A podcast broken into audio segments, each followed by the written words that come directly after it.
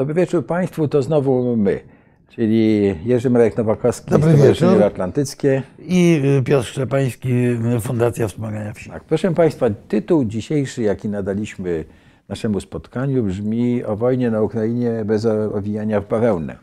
I może od razu chwyćmy No z- właśnie, bo nareszcie Nie będzie grubo, ale będziemy mówili po prostu no, wprost i nie będziemy się... Ale bo też nareszcie w naszych mediach pojawiło się, pojawiły się pewne znaki zapytania. W, tej, w tym dyskursie publicznym, bo do tej pory dyskurs publiczny polegał na tym, że zastanawialiśmy się, czy Ukraińcy dojdą do Moskwy, czy tylko może do Wiaźmy.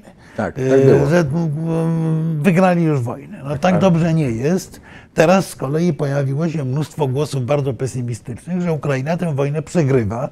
E, Tutaj e, szczególnie istotny był artykuł reportera jednego z portali internetowych, który Marcina Wyrwała, który słusznie stwierdził, że w tej chwili Ukraina tę wojnę przegrywa. No, gdyby na dzisiaj zatrzymano wojska, stop, mamy zawieszenie broni, no to Ukraińcy tracą dużą część swojego terytorium i y, trudno mówić, że są zwycięzcami. No, y, więc, y, więc to jest. y, wywo- wywołało to zresztą straszną burzę w internecie, to, to stwierdzenie, ale Ukraina tej wojny nie przegrywa, ale nie wygrywa również. To o tym warto pamiętać i to sporo komentatorów powiedziało. Oprócz tego zaczęły się głosy No mówiące o tym, że być może Ukraina nie powinna tej wojny wygrać. Tak, i za to zacznijmy od wypowiedzi Henry'ego Kissingera, starego, starego Kissingera.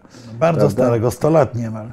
Nie ma 100 lat. No, y, no, sekretarza stanu, autora ilość książek. y, W takim nurcie mm, pisania o polityce zagranicznej, to jakbyśmy go określili, No realista? nie, no to klasyczny, e, klasyczny realista. przykład e, twardego realisty, tak. No i to, czy stary Kissinger, który stwierdził, że y, Ukraina powinna oddać Rosji y, część swojego terytorium, żeby zakończyć tę wojnę, czy stary Kissinger ma rację mówiąc to? Bo moim zdaniem to on to powinien to skierować y, trochę i do Rosji, ten swój apel. Bo No, ale na to razie jest tak, że, kierował. że Rosja to w ogóle chyba nie chce w ogóle rozmawiać o tym, żeby cokolwiek zatrzymać wojnę. No, e, ja myślę, że to nie tyle chodzi o zatrzymanie wojny, ile chodzi o coś, co jest dość charakterystyczne dla bardzo wielu elit amerykańskich i zachodnioeuropejskich, mianowicie o taką, takie poczucie potrzeby istnienia silnej Rosji. Istnienia przeciwnika, partnera, nieważne jak to nazwiemy. Swoją drogą jest e, dzisiaj dokładnie 25. rocznica podpisania aktu stanowiącego Rosja-NATO.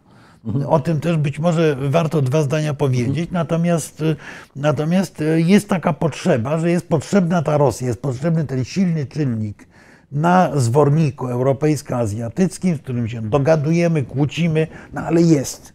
A tu nagle pojawiła się obawa, że nie będzie, pusto będzie. Jak to Rosja przegra, to popada w wielką smutę, nie wiadomo, czy się nie rozpadnie. Jezus Maria, to straszna rzecz, przecież, przecież tak naprawdę w roku 1991 na Zachodzie były dokładnie te same obawy. My już zapominamy, że wtedy prezydent George- Bush senior pojechał do Kijowa i mówił Ukraińcom, żeby się o niepodległość nie upominali, bo, Potem nazwano, bo nazwano to taką strachliwą chicken Kijew. ale to nie był chicken, to było właśnie to, było właśnie to myślenie w kategoriach realistycznych. No, również y, bardzo krytycznie o jednoznacznym wsparciu Ukrainy wypowiada się John Mersheimer, y, twórca, jeden z twórców też realizmu politycznego. Wobec tego to nie jest jednostkowy głos, a Kissinger ma jednak duży autorytet cały czas na Zachodzie i to, że on coś takiego powiedział, to oznacza nie tylko to, że jest to starszy pan, który popadł w demencję, jak piszą komentatorzy, tylko jest to głos znaczącego środowiska, które nie chce, żeby doszło do jakiegoś bardzo głębokiego kryzysu. Tutaj w Stanach Zjednoczonych jest na ten temat spora dyskusja. Ja bym powiedział najkrócej, że nikt łącznie z administracją amerykańską jeszcze się nie zdecydował, czy Amerykanie chcą, żeby Ukraina tej wojny nie przegrała, czy chcą, żeby tę wojnę wygrała. Czyli to są dwie chcesz- różne chcesz- wojny. Chcesz powiedzieć, że e, administracja Bidena nie ma jeszcze w ogóle planu jakiegoś B, bo po prostu nie ma. No. Znaczy, jak, ma, ma jakieś plany, tylko, tylko właśnie mówię, sami nie bardzo wiedzą, czego chcą. Bo jeżeli chcemy, żeby Ukraina wygrała tę wojnę, naprawdę, to musimy, nie wiem, czy już nie jest za późno, ale do, dostarczać jej ogromnej ilości sprzętu, również samolotów, również helikopterów, sprzętu ofensywnego, który pozwoli Ukrainie przejść do ofensywy. Bo na razie Ukraina dostaje cały czas duże ilości sprzętu, ale takiego, który pozwala się skutecznie bronić. Amerykanie tutaj wywiązują się znakomicie z tego zadania, ale widać już, że te dyskusje dotyczą nie tylko Stanów Zjednoczonych, również Niemców i tak dalej, więc y, to jest, y, to, to, to, to jest realny problem. I to jest problem, który jest w tej chwili dyskutowany w elitach Zachodu, a y, stary Kissinger po prostu wyszedł i powiedział, król jest nagi. Tak. No, ja uważam tak. tak. I chwała mu za to w pewnym sensie. Znaczy chwała mu za powiedzenie prawdy, ale że, że tak myśli. Natomiast nie chwała, że tak myśli, ponieważ mam wrażenie, że jest to kolejny przykład, właśnie tak jak to przemówienie Busha. Trochę niezrozumienie tego, jaka jest istota reżimu rosyjskiego, jaka jest istota Rosji putinowskiej. Bo Rosja putinowska po próbach reformowania kraju, ewidentnie poszła w tej chwili w taki twardy, wielkoruski, klasyczny imperializm. A ten imperializm wielkoruski ma jedną, z naszego punktu widzenia, dramatycznie złą cechę, mianowicie jest rewizjonistyczny. Chce doprowadzić do rewizji układu politycznego, granic, chce doprowadzić do, układu, do, rewizji, do rewizji całego układu e, bezpieczeństwa światowego, nie tylko europejskiego.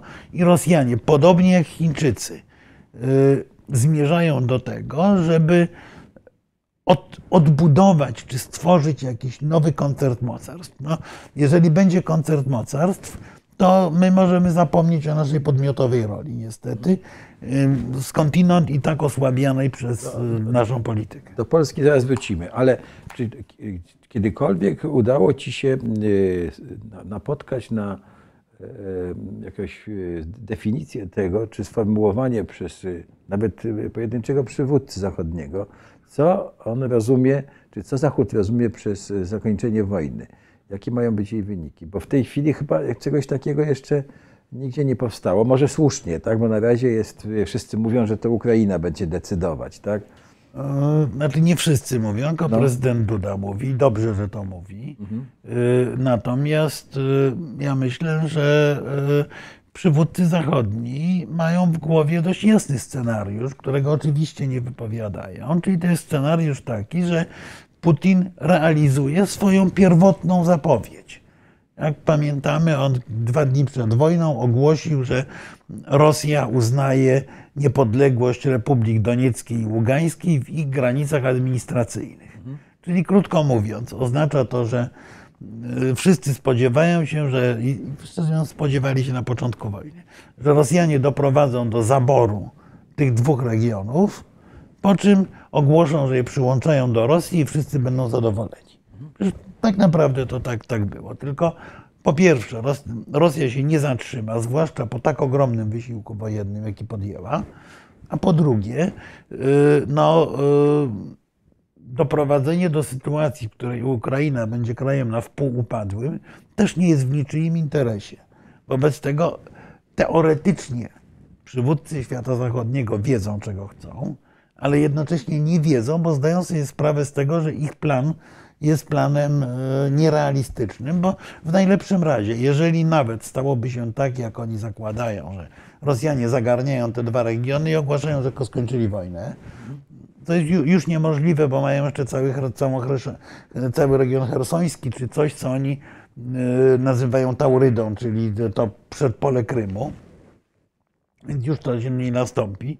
Y, ale Rosjanie ogłaszają, że właśnie kończą wojnę, albo nic nie ogłaszają, po prostu wstrzymują działania wojenne i koniec, y, no to to nie znaczy, że to jest koniec wojny. Tak samo jak 8 lat temu zabór Krymu i części Donbasu nie oznaczał, że to jest koniec wojny. Wręcz przeciwnie. Była to, jak ładnie się to po rosyjsku nazywa, pieredyszka przed kolejnym krokiem.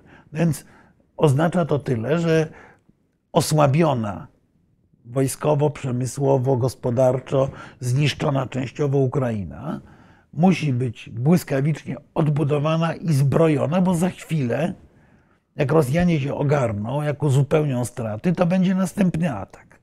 Prawda? Więc to jest y, kompletnie, to znaczy to jest oderwane od realizmu politycznego pod hasłami realizmu politycznego. To nie jest polityczny realizm.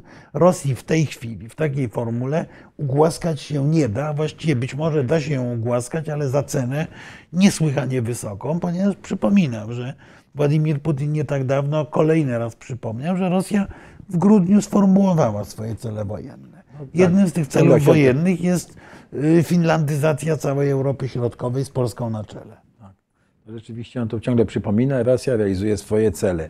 I to ostatnio chyba usłyszał chyba Mario Draghi, czy to No kolejny raz usłyszał to Draghi, oczywiście. Zresztą no, był bardzo smutny, dodzwonił się do Putina, tak go prosił i dowiedział się, że żadnej, żadnego pokoju nie będzie i że w ogóle dał sobie z tym spokój.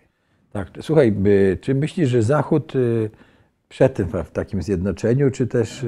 To jest bardzo dobre pytanie, czy Zachód przetrwa. I y, to jest w ogóle pytanie. Ja widzę tę wymianę ping-pongową, również na przykład to, co mówił minister Kuleba, że NATO się nie sprawdziło. Prawda? To pierwszy raz to wybrzmiało w wypowiedziach ukraińskich. Ale to, że oni tak mówią, to jest oczywiście opisanie pewnych oczekiwań. Czy Zachód przetrwa? E, mm, e, Nie, jakiś, e, jakieś, jakieś świństwo mi się, jakiś pryszcz mi się robi. Pan, panie, fringe, fringe. Bo rozumiem, że tutaj e, mowa o tym, o tym zaczerwienieniu. Nie, tak. E, Więc. e, Niestety, my nie, nie mamy aż takich Bardzo- wyrafinowanych ba- służb, ba- bardzo- żeby ba- bardzo jestem- twarz. Ale, tak, bardzo ale, jestem wdzięczny za e, tak uważne oglądanie. Tak. Oglądanie mnie. A wracając do, wracając do tego, czy Zachód przetrwa. Otóż Zachód ma parę w tej chwili możliwych strategii. Tak. Strategia numer jeden to jest strategia taka jak do, jak do tej pory, czyli utrzymywania wojny w stanie nierozstrzygniętym, bo w gruncie rzeczy to jest, to, to, to, to jest w tej chwili strategia działania. Dostarczanie uzbrojenia, wspieranie Ukrainy, ale nie na tyle, żeby Ukraina była w stanie zebrać się do kontrataku. To jest pierwsza możliwość. Druga możliwość jest wyraźne zwiększenie wsparcia strony ukraińskiej, bez gwarancji sukcesu oczywiście, bo w tej chwili rzeczywiście e, bliżej e, rozstrzygnięć pozytywnych na froncie, szczególnie na froncie w Donbasie są Rosjanie, no ale powiedzmy, że, e, że może, że może to się jakoś, jakoś wyważy. Jest jeszcze możliwość trzecia, która jest coraz, coraz bardziej prawdopodobna. Mianowicie zaangażowanie się bezpośrednie państw natowskich w konflikt. Oczywiście nie w formule wprowadzenia wojsk, bo, bo to, to prawdopodobnie skończyłoby się wojną światową, ale myślę, że jesteśmy bardzo blisko decyzji, żeby flota amerykańska, brytyjska, być może francuska również, wpłynęła na Morze Czarne po to, żeby chronić y, szlak wodny prowadzący do Odessy. To by nie było żadne naruszenie terytorium rosyjskiego, to by nie, nie musiało prowadzić do starcia z Rosjanami, y, dlatego że y, no, tutaj okręty natowskie pełniłyby rolę defensywną, chroniącą konwoje wywożące na przykład zboże czy, czy, czy jakieś inne towary z Odessy. Y, Działałyby na wodach międzynarodowych zgodnie z prawem i tutaj zaatakować musieli Rosjanie. Oni by musieli podjąć decyzję, że uderzają w siły natowskie. Bo gdyby w wersji pod tytułem e, zamknięta przestrzeń powietrzna, to o czym wcześniej mówili Ukraińcy, no to wtedy, wtedy e, samoloty NATO patrolujące tę zamkniętą przestrzeń powietrzną musiałyby zaatakować dowolny samolot rosyjski, który się tam pojawia. Prawda? Bo jest zakaz lotów.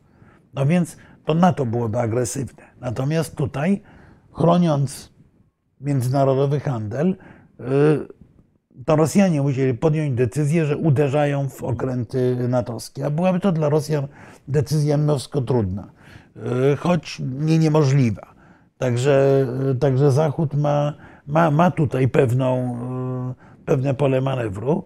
Właśnie od takiego miękkiego wspierania jak do tej pory, łącznie z tymi wątpliwościami, które wyrażają Niemcy, że nie mogą wysłać jakichś tam pojazdów, bo, bo podobno jest jakieś wewnętrzne ustalenie natowskie. Może jest, skoro Kulewa się tak, tak, tak zdenerwował na NATO, a jeżeli jest, to jest niemądre. Natomiast i myślę, że jeżeli jest takie ustalenie, to mam nadzieję, że nie, ale jeżeli jest, to oznacza tyle, że właśnie jest to decyzja, że chcemy, żeby Ukraina nie przegrała, a nie żeby wygrała. No to jest ta de delikatna no dobrze, ale to znaczy, że po prostu chcemy wykrwawić Ukrainę. To znaczy nie, jeśli nie chcemy, żeby, nie chcemy dać jej nie, wygrać. Nie, chcemy wykrwawić e, Rosjan, przede no wszystkim. Tak, no. E, natomiast e, oba, obawiamy się, czy, czy może nie tyle E, nie tyle się obawiamy e, my, ile obawia się część krajów zachodnich, właśnie tego zniknięcia czynnika rosyjskiego, czy wpadnięcia Rosji w jakiś bardzo głęboki kryzys e, polityczny, czyli w kolejną smutę, no krótko mówiąc. Ale tak jak powtórzę jeszcze raz, no, sytuacja w tej chwili jest taka, że Rosjanie przekroczyli wszelkie granice. Mamy tą 25. rocznicę tego traktatu stanowiącego Rosja NATO. Takiego, który między innymi opisywał e, ograniczenia w rozmieszczeniu wojsk e, sojuszniczych na terytorium e, nowych państw członkowskich, w tym Polski. Dobrze. No, tylko, stałych baz. No nie, tylko Rosjanie ten traktat wielokrotnie złamali i być może to jest do, to 25-lecie jest bardzo dobrą okazją, żeby teraz na szczycie NATO powiedzieć, że akt stanowiący nie obowiązuje. Koniec. Wy, wycofujemy się z niego, bo, bo, bo po prostu Rosja go zdemolowała. Więc y, to, to jest do, do, do zrobienia. Myślę w każdym razie, że NATO powinno bardzo zdecydowanie e, rozważyć głębsze zaangażowanie w ten konflikt, bo jeżeli tego głębszego zaangażowania nie będzie, to może dojść w wersji gorszej do porażki Ukrainy generalnej, w wersji bardziej prawdopodobnej do ciężkiego wykrwawienia się Ukrainy, ustabilizowania się frontów na absolutnie niesatysfakcjonującym Ukraińców poziomie i w następnym etapie do tego, że ten front będzie znowu linią demarkacyjną, którą Rosjanie przekroczą wtedy, jak pozbierają, pozbierają siły.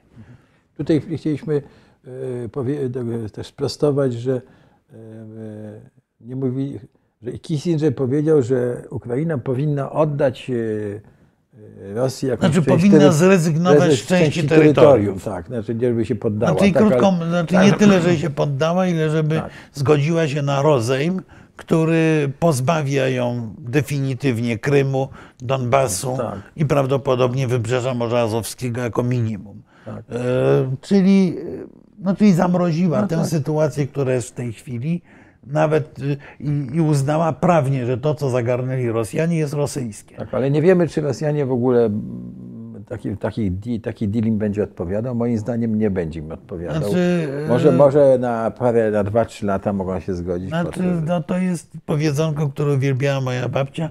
Daj mu palec, to on złapie za całą rękę. Tak. No więc to jest ten palec yy, i myślę, że Henry Kissinger, który wielokrotnie rozmawiał z Putinem, który ma świadomość Y, tego, z kim rozmawiał, jednocześnie nie, nie dostrzega różnicy pomiędzy Rosją 10 lat temu i Rosją dzisiaj. Otóż dzisiejsza Rosja dokonała wyboru.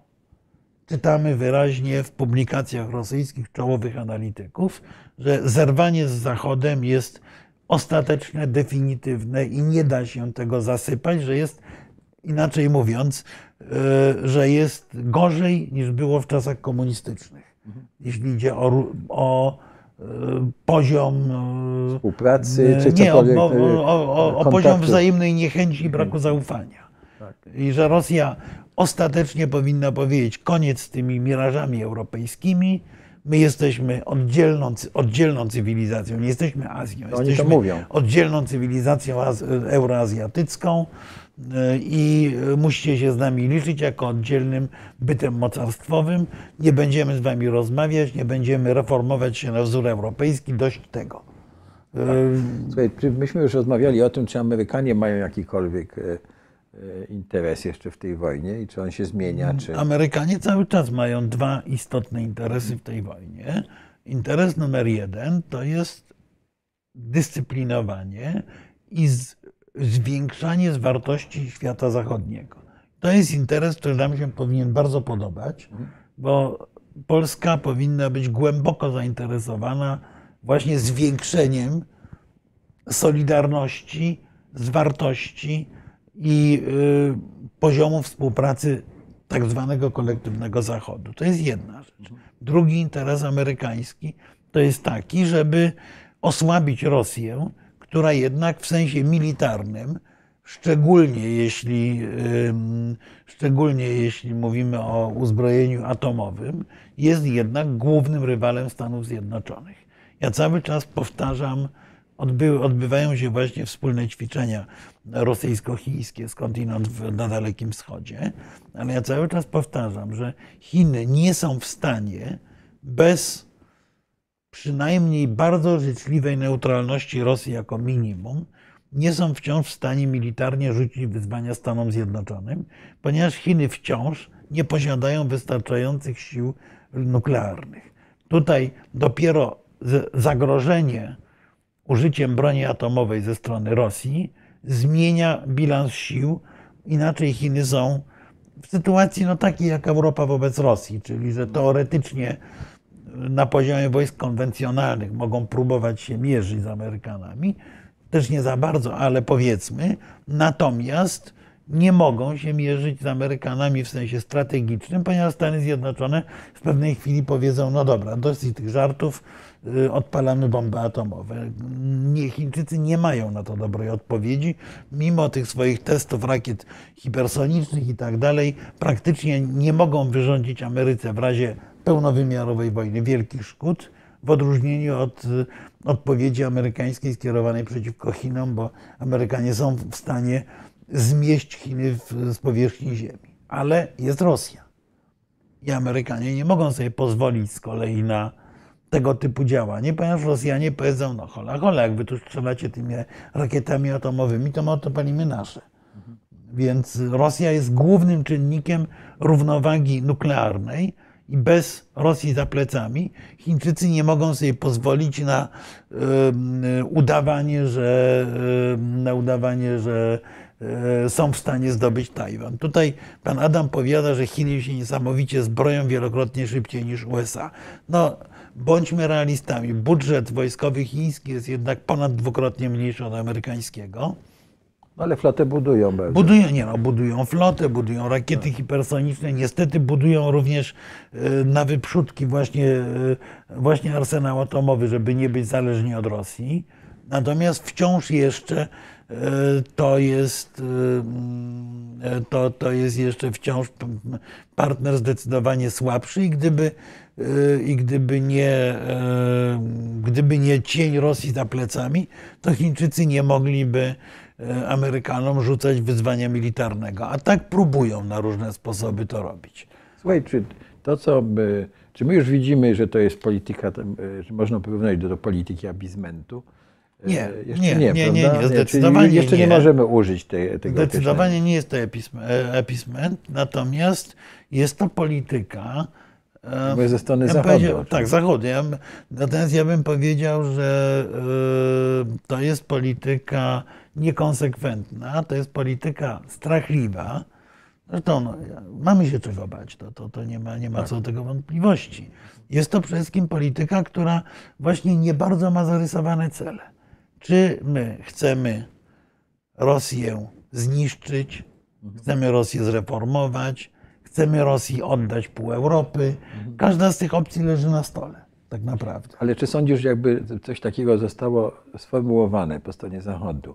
Powiedzmy, że Zachód jest na tyle zjednoczony, że może y, y, sformułować y, swoją opinię, czy no, takie Zachód wyobrażenie, musi czy, być czy, czy to by pomogło y, w rozwiązaniu problemu? Tak, Myślisz, to by żeby- po, no tak, bo, y, no, No bo tocząc chwili- wojnę, bo my toczymy wojnę. No, z- w tym sensie Rosjanie mają rację, że to, co się dzieje, to jest wojna e, pomiędzy kolektywnym Zachodem, a kolektywnym światem autorytarnym. Tak. tak naprawdę.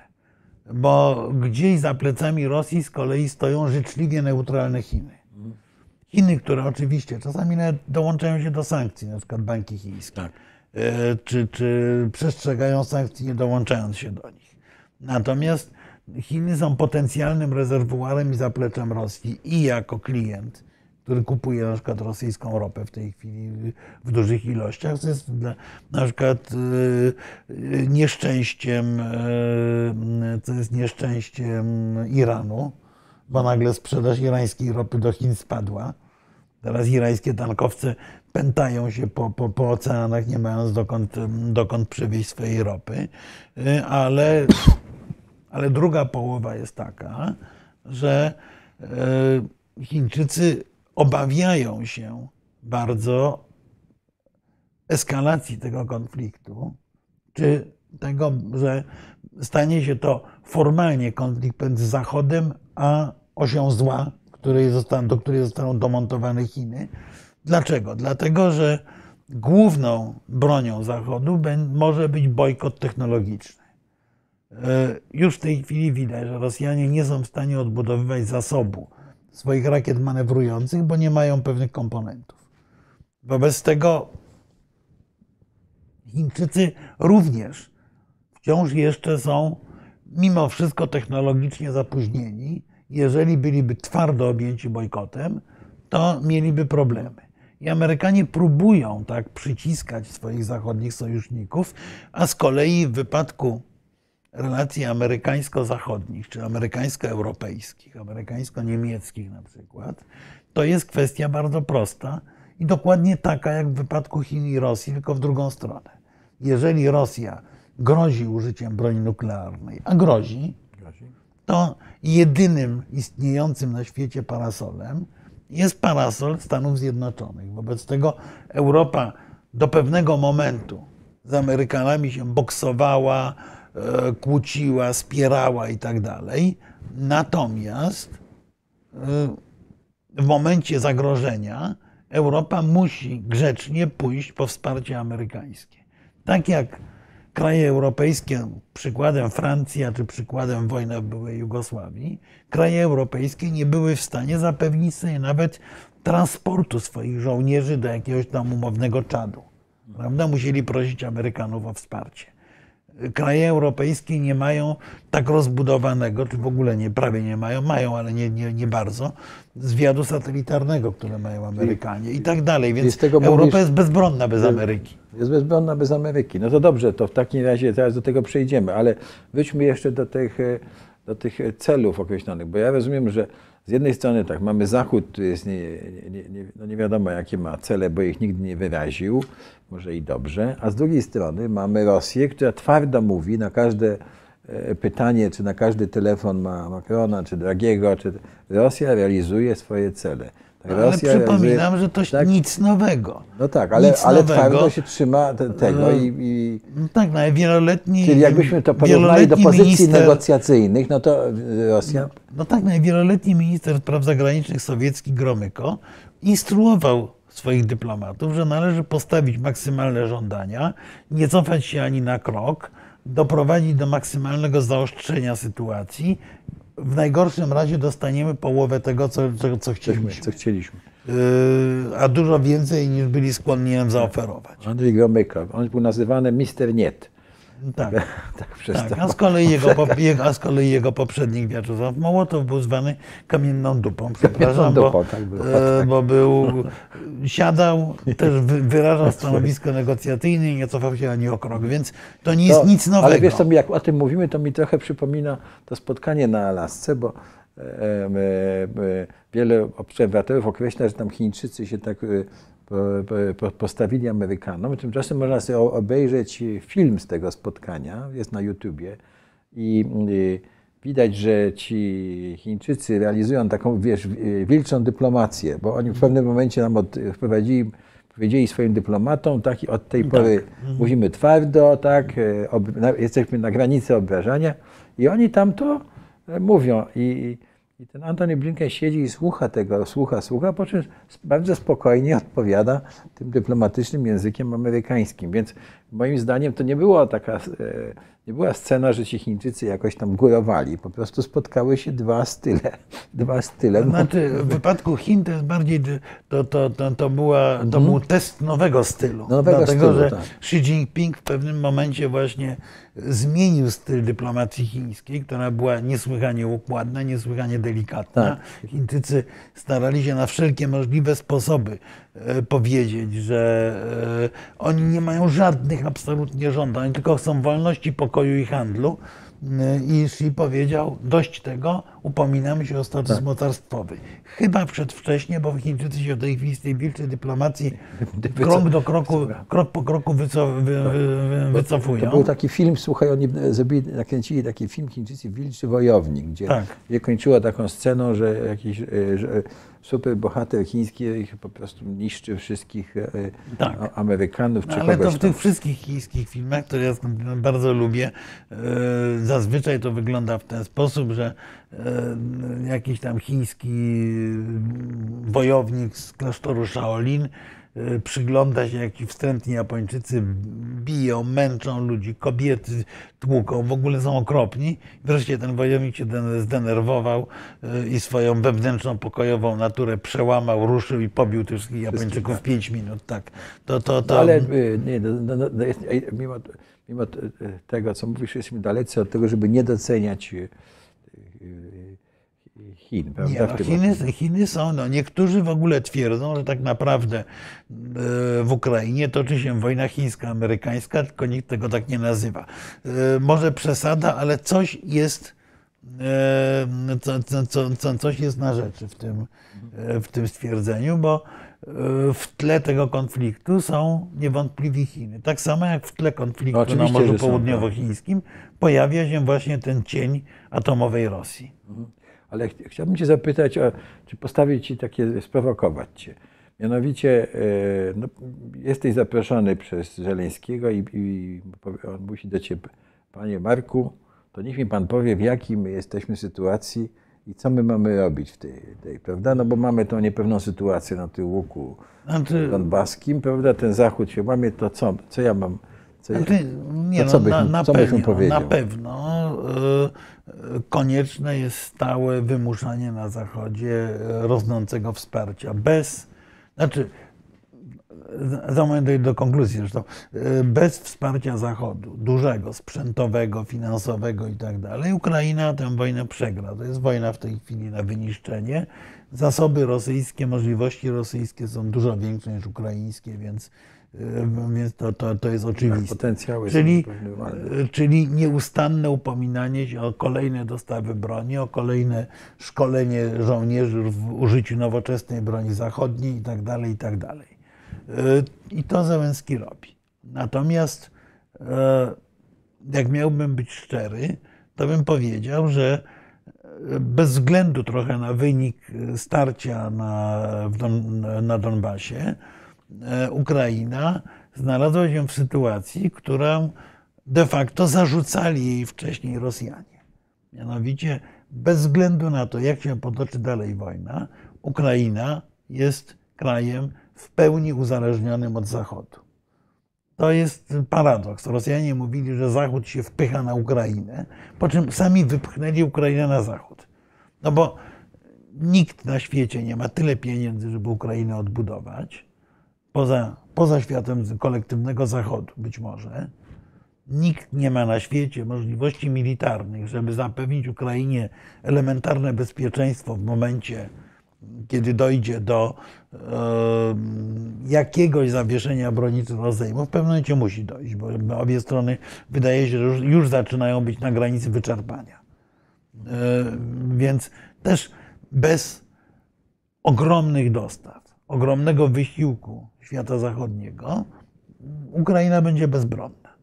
Czyli inaczej mówiąc, Ukraina tak czy inaczej jest w tej chwili uzależniona od Stanów Zjednoczonych i po części reszty Zachodu. Czyli mamy sytuację taką, jakiej Putin absolutnie nie chciał. Ukraina nie jest i nie może już być w tej chwili krajem neutralnym, ponieważ yy, będzie finansowo i militarnie yy, długi czas na, yy, na garnuszku świata zachodniego. No taka jest brutalna prawda. No tak, Do tego tak. ta sytuacja Tak, no to w związku z tym, panie Marku, jakbym, panie, to co ja, co mam, co ja, co Ukraina ma robić, panie Marku, jeśli jest... Bić Ja- się, bić się w miarę możliwości wygrać, przygotować się do kontrofensywy, szczególnie na południu y, i jednocześnie zrobić wszystko, żeby wciągnąć świat zachodni bezpośrednio do wojny. To ostatnia rzecz, no to jest właśnie kwestia y, tej ochrony szlaków żeglugowych y, na przykład. Czyli żeby wojska natowskie pojawiły się w bezpośrednim sąsiedztwie konfliktu. Czy sądzisz w takim razie, że to, że Rosjanie, e, tam jest, nie wiem, 20-22 miliony ton e, zboża, czy sądzisz, że Rosjanie e, rzeczywiście chcą doprowadzić do kryzysu światowego? Tak. Tak, że chcą, No, ale że ten cel jest taki, żeby sprowokować, żeby No, ale no, będzie kryzys fala światowy uchodźców. to jest sama przyjemność dla Rosji. No, mamy natychmiast Mówimy, falę głodnych kryzys. uchodźców, którzy płyną do Europy Zachodniej. Europa Zachodnia oczywiście przestaje się interesować Ukrainą, a zaczyna się interesować własnym podwórkiem. Tak. Yy, I no, yy, jednocześnie no, generalnie generujemy również dla Amerykanów, bo to pamiętajmy, że yy, yy, pamiętajmy, że yy, duża część dostaw ukraińskich szła do Ameryki Południowej. Więc Amerykanie też będą mieli problem z tym wszystkim. I skoro przeciwnikowi czy wrogowi, jak to Rosjanie definiują, grożą problemy, no to jest po prostu super. No, no, no, czego, czego więcej, cze- czego więcej więcej się chcieć, tak. chcieć. No, Tak. y, Więc oczywiście, że chcą doprowadzić do kryzysu żywnościowego, nie mówiąc o tym, że to jest dla Rosji dokładnie tym samym, czym kryzys paliwowy, czyli Rosja, która jest również dużym eksporterem y, pszenicy, y, będzie korzystała na tym, że wzrosły ceny Tak. i, i będzie sprzedawała drożej swoje, swoje zboża, a jednocześnie trudniej będzie objąć Rosję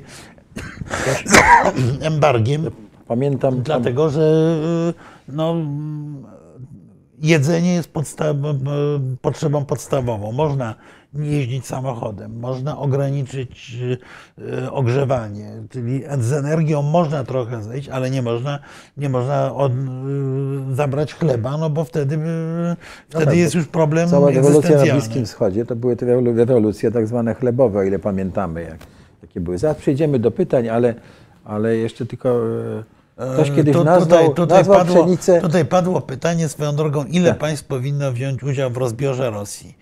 Otóż y, ja uważam, że rozbiór Rosji jest w tej chwili niemożliwy. Mm, Pamiętajmy, że Rosja jest czterokrotnie większa od całej Unii Europejskiej terytorialnie.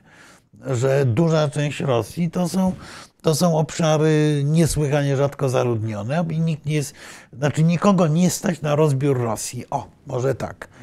Y, Uporządkowanie tego terytorium, doprowadzenie do standardu nowoczesnego byłoby chyba po, ponad możliwości jakiegokolwiek kraju na świecie. Ale po co w ogóle sobie ten kłopot na głowę, tak między Więc mówiąc? Bo ja myślę, że realny bardziej jest e, nawet nie tyle rozpad Rosji, ile regionalizacja Rosji. To by było najlepsze, co Rosję może spotkać, e, czyli, e, czyli pójście w kierunku większej samodzielności regionów, czy stworzenia takich czegoś na, w rodzaju Stanów w Stanach Zjednoczonych e, i powolne, myślę, że niestety nie tego nie dożyjemy, budowanie na tej bazie społeczeństwa obywatelskiego.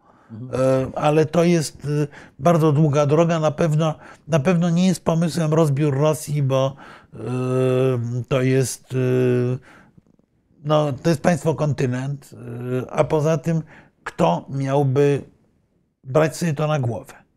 No, proszę sobie wyobrazić na przykład, że owszem, o, uczestniczymy w rozbiorze Rosji. Ukraina bierze trochę, co- coś bierze tam Białoruś, ktoś jeszcze i my na przykład bierzemy obwód kaliningradzki. To y, jest sporo osób, które takim marzeniem żyją, że Rosja przegrywa, bierzemy Kaliningrad. Nareszcie nareszcie przekreślamy ten błąd króla Zygmunta Starego, który Tak. e, przy hołdzie pruskim zostawił, ten, zostawił te Prusy No, Wschodnie. No ale teraz kto zapłaci koszty integracji, przebudowy tego okręgu kaliningradzkiego?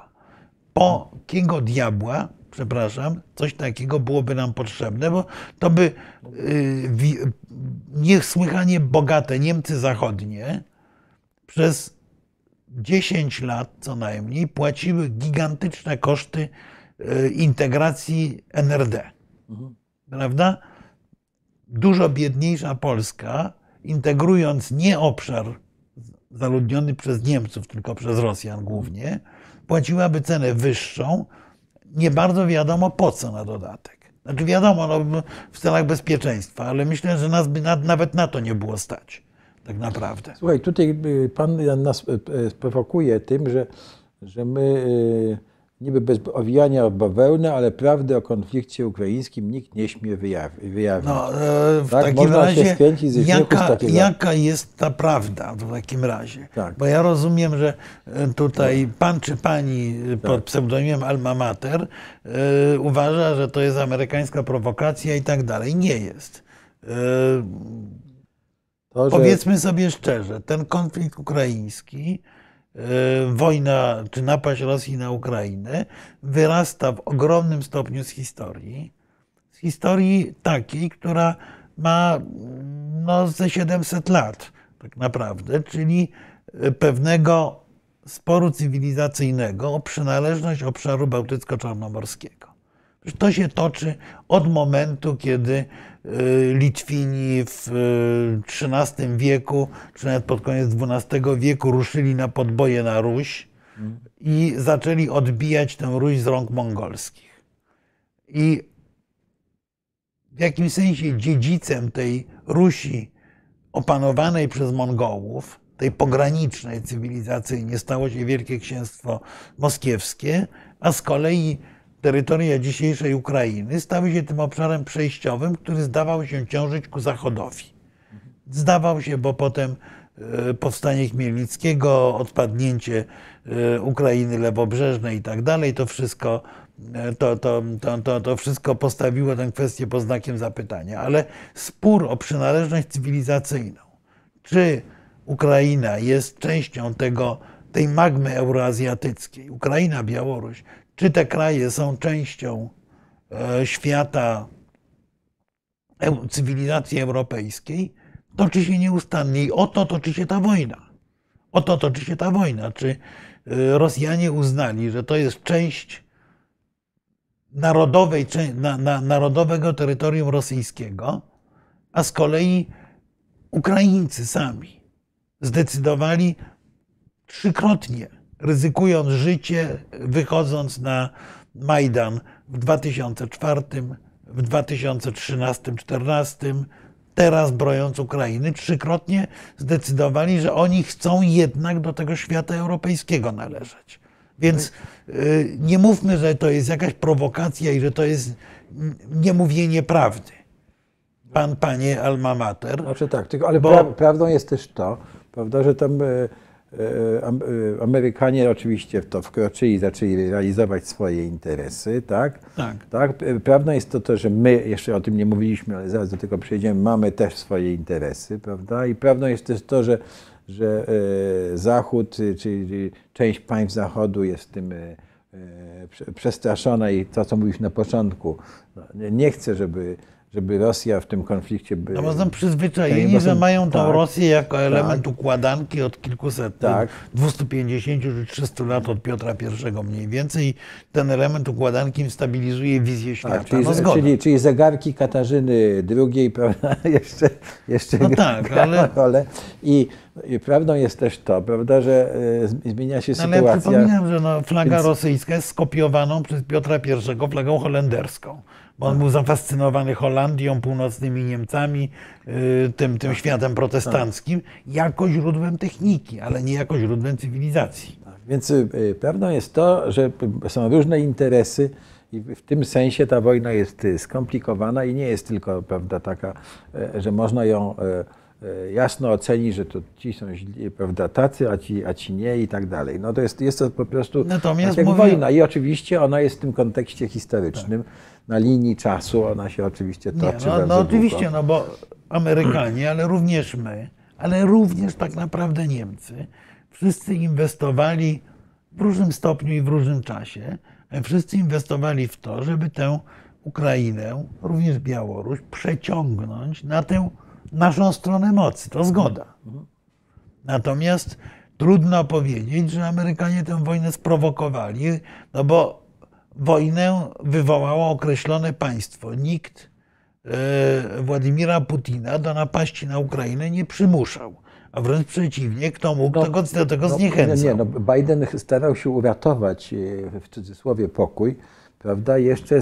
Alarmując, ale, że- alarmując, ale składając propozycję, proszę bardzo, e, prawda, e, przyjedźcie, otwarte będziecie mieli wgląd, e, wyrzut w, bazę, te, te, te rakiety, które są w Radzikowie, proszę bardzo, otwarcie, jakieś propozycje otwartego nie ma do końca. To jeszcze były, składał te propozycje jeszcze na tydzień przed agresją. Tak, tutaj Prawda? pan Sebastian powiada, że czy będą odpowiedzi na pytania. No staramy się odpowiadać.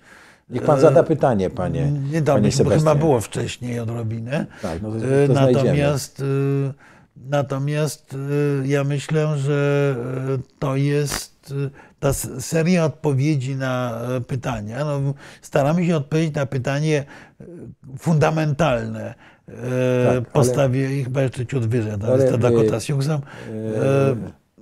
Jest ale- tam, e, Rosja mogła się nie dać podpuścić, no ale Rosja chciała się dać, znaczy Nie, chciała znaczy- zrealizować swoje To cele. znaczy i- nie, no, Rosja, nie, Ro, Rosja od dłuższego czasu stara się zrealizować swoje cele, e, które zostały zdefiniowane przez Władimira Putina na podstawie e, pewnej filozofii rosyjskiego euroazjatyzmu. Ja bym powiedział tak, że w momencie, kiedy Putin przychodził do władzy, on miał pomysł w przybliżeniu Piotra I, czyli modernizujemy Rosję, zbliżamy ją do Zachodu w sensie technologicznym, a jednocześnie budujemy potężne mocarstwo rosyjskie oparte na tę, o, o tę tradycję euroazjatycką.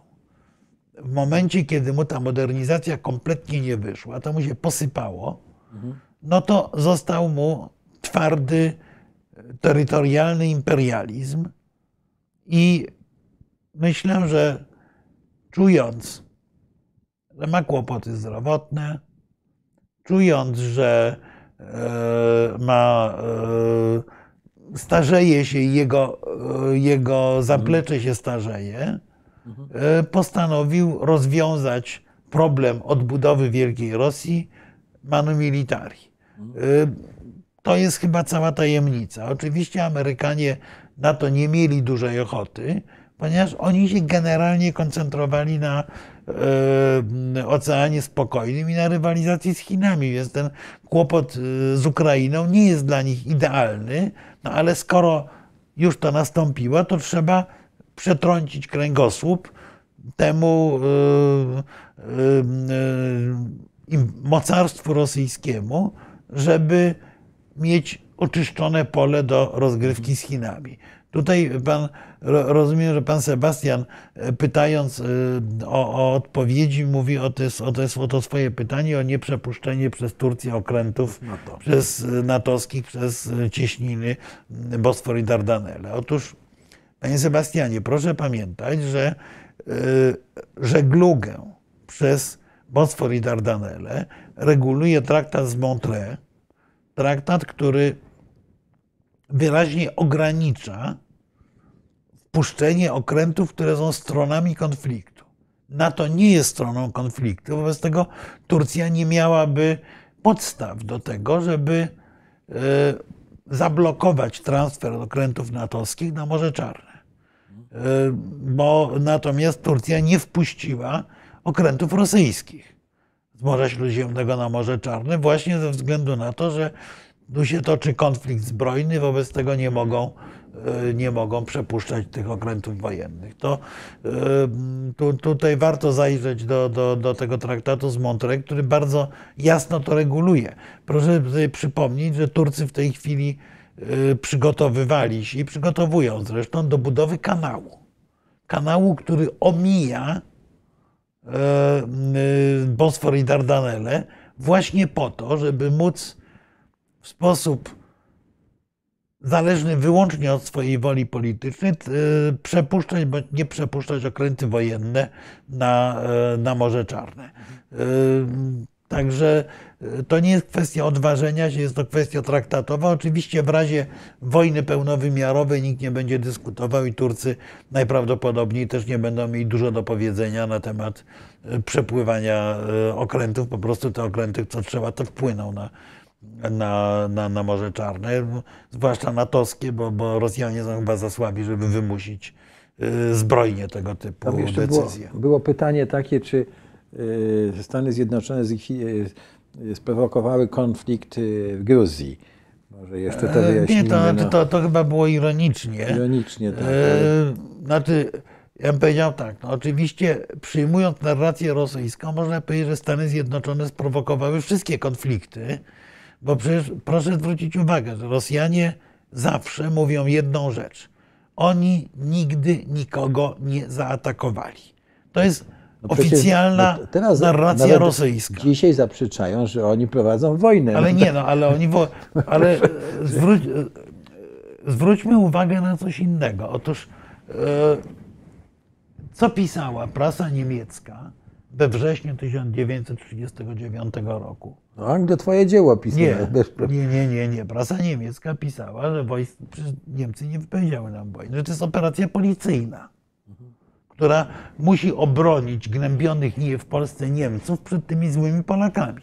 Jeszcze rok po wojnie, jak któraś z niemieckich gazet yy, pozwoliła sobie na stwierdzenie, że była wojna, to, to, to otrzymała reprymendę ze strony Goebbelsa, że nie można mówić o żadnej wojnie, bo to jest, to jest operacja policyjna.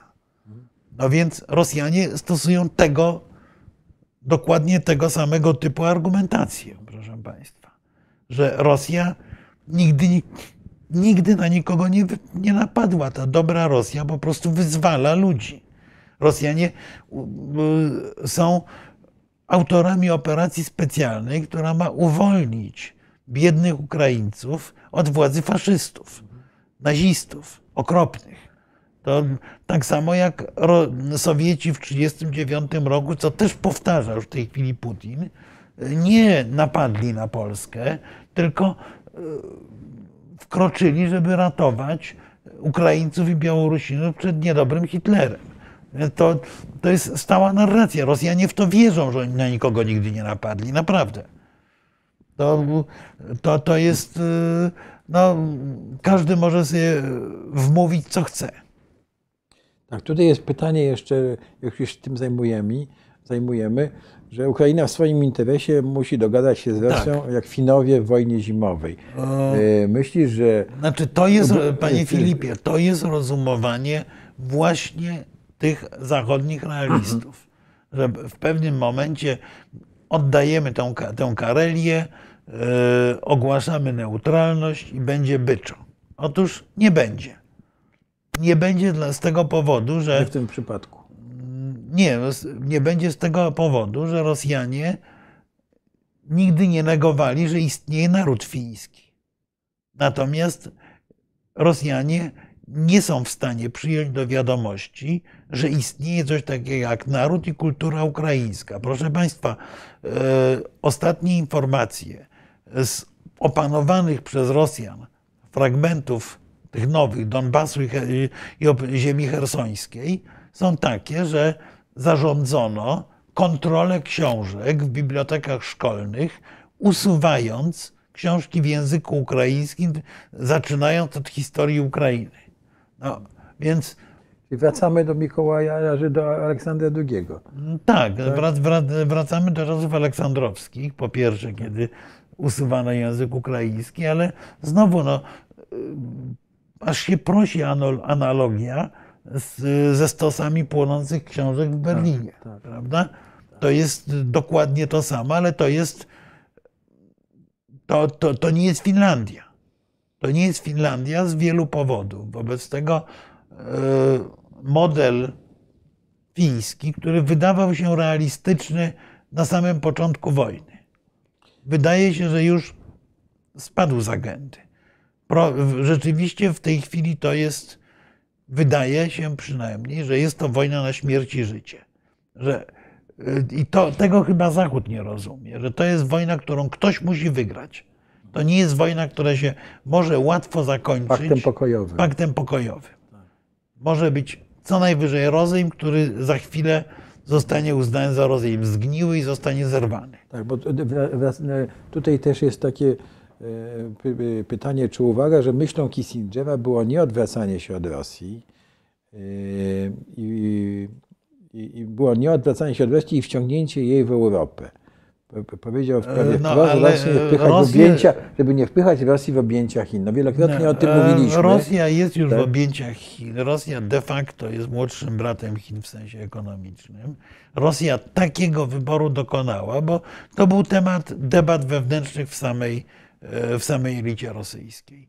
E, I zwolennicy tego, żeby Rosja była częścią świata europejskiego czy zachodniego, w tej chwili zmienili zdanie i piszą w swoich opracowaniach, że Rosja nie może już się dogadać z Zachodem. Rzeczywiście myślenie Kissingera jest takie, żeby wciągnąć Rosję, tylko no, Rosję już wciągała Angela Merkel ze znanym efektem yy, i ja bym powiedział coś innego. No, Było przeciwskuteczne. Rosja nie chce dać się wciągnąć. Rosja może Wciąganie Rosji oznacza coś dokładnie odwrotnego. Oznacza wciągnięcie Europy do Rosji, tak naprawdę. Bo y, Rosjanie nie mają ochoty przestrzegać za, zasad sformułowanych przez świat Zachodu. To jest przykre. Ja sam sobie zadaję pytanie, co my z Rosją możemy zrobić. To jest być może pytanie fundamentalne, również dla polskiej polityki. Jeszcze ma, bo, czeka, czeka na Tak, ale nie, ale co, co z Rosją zrobić? No bo Rosja nie zniknie. 17 milionów kilometrów kwadratowych nagle nie wyparuje.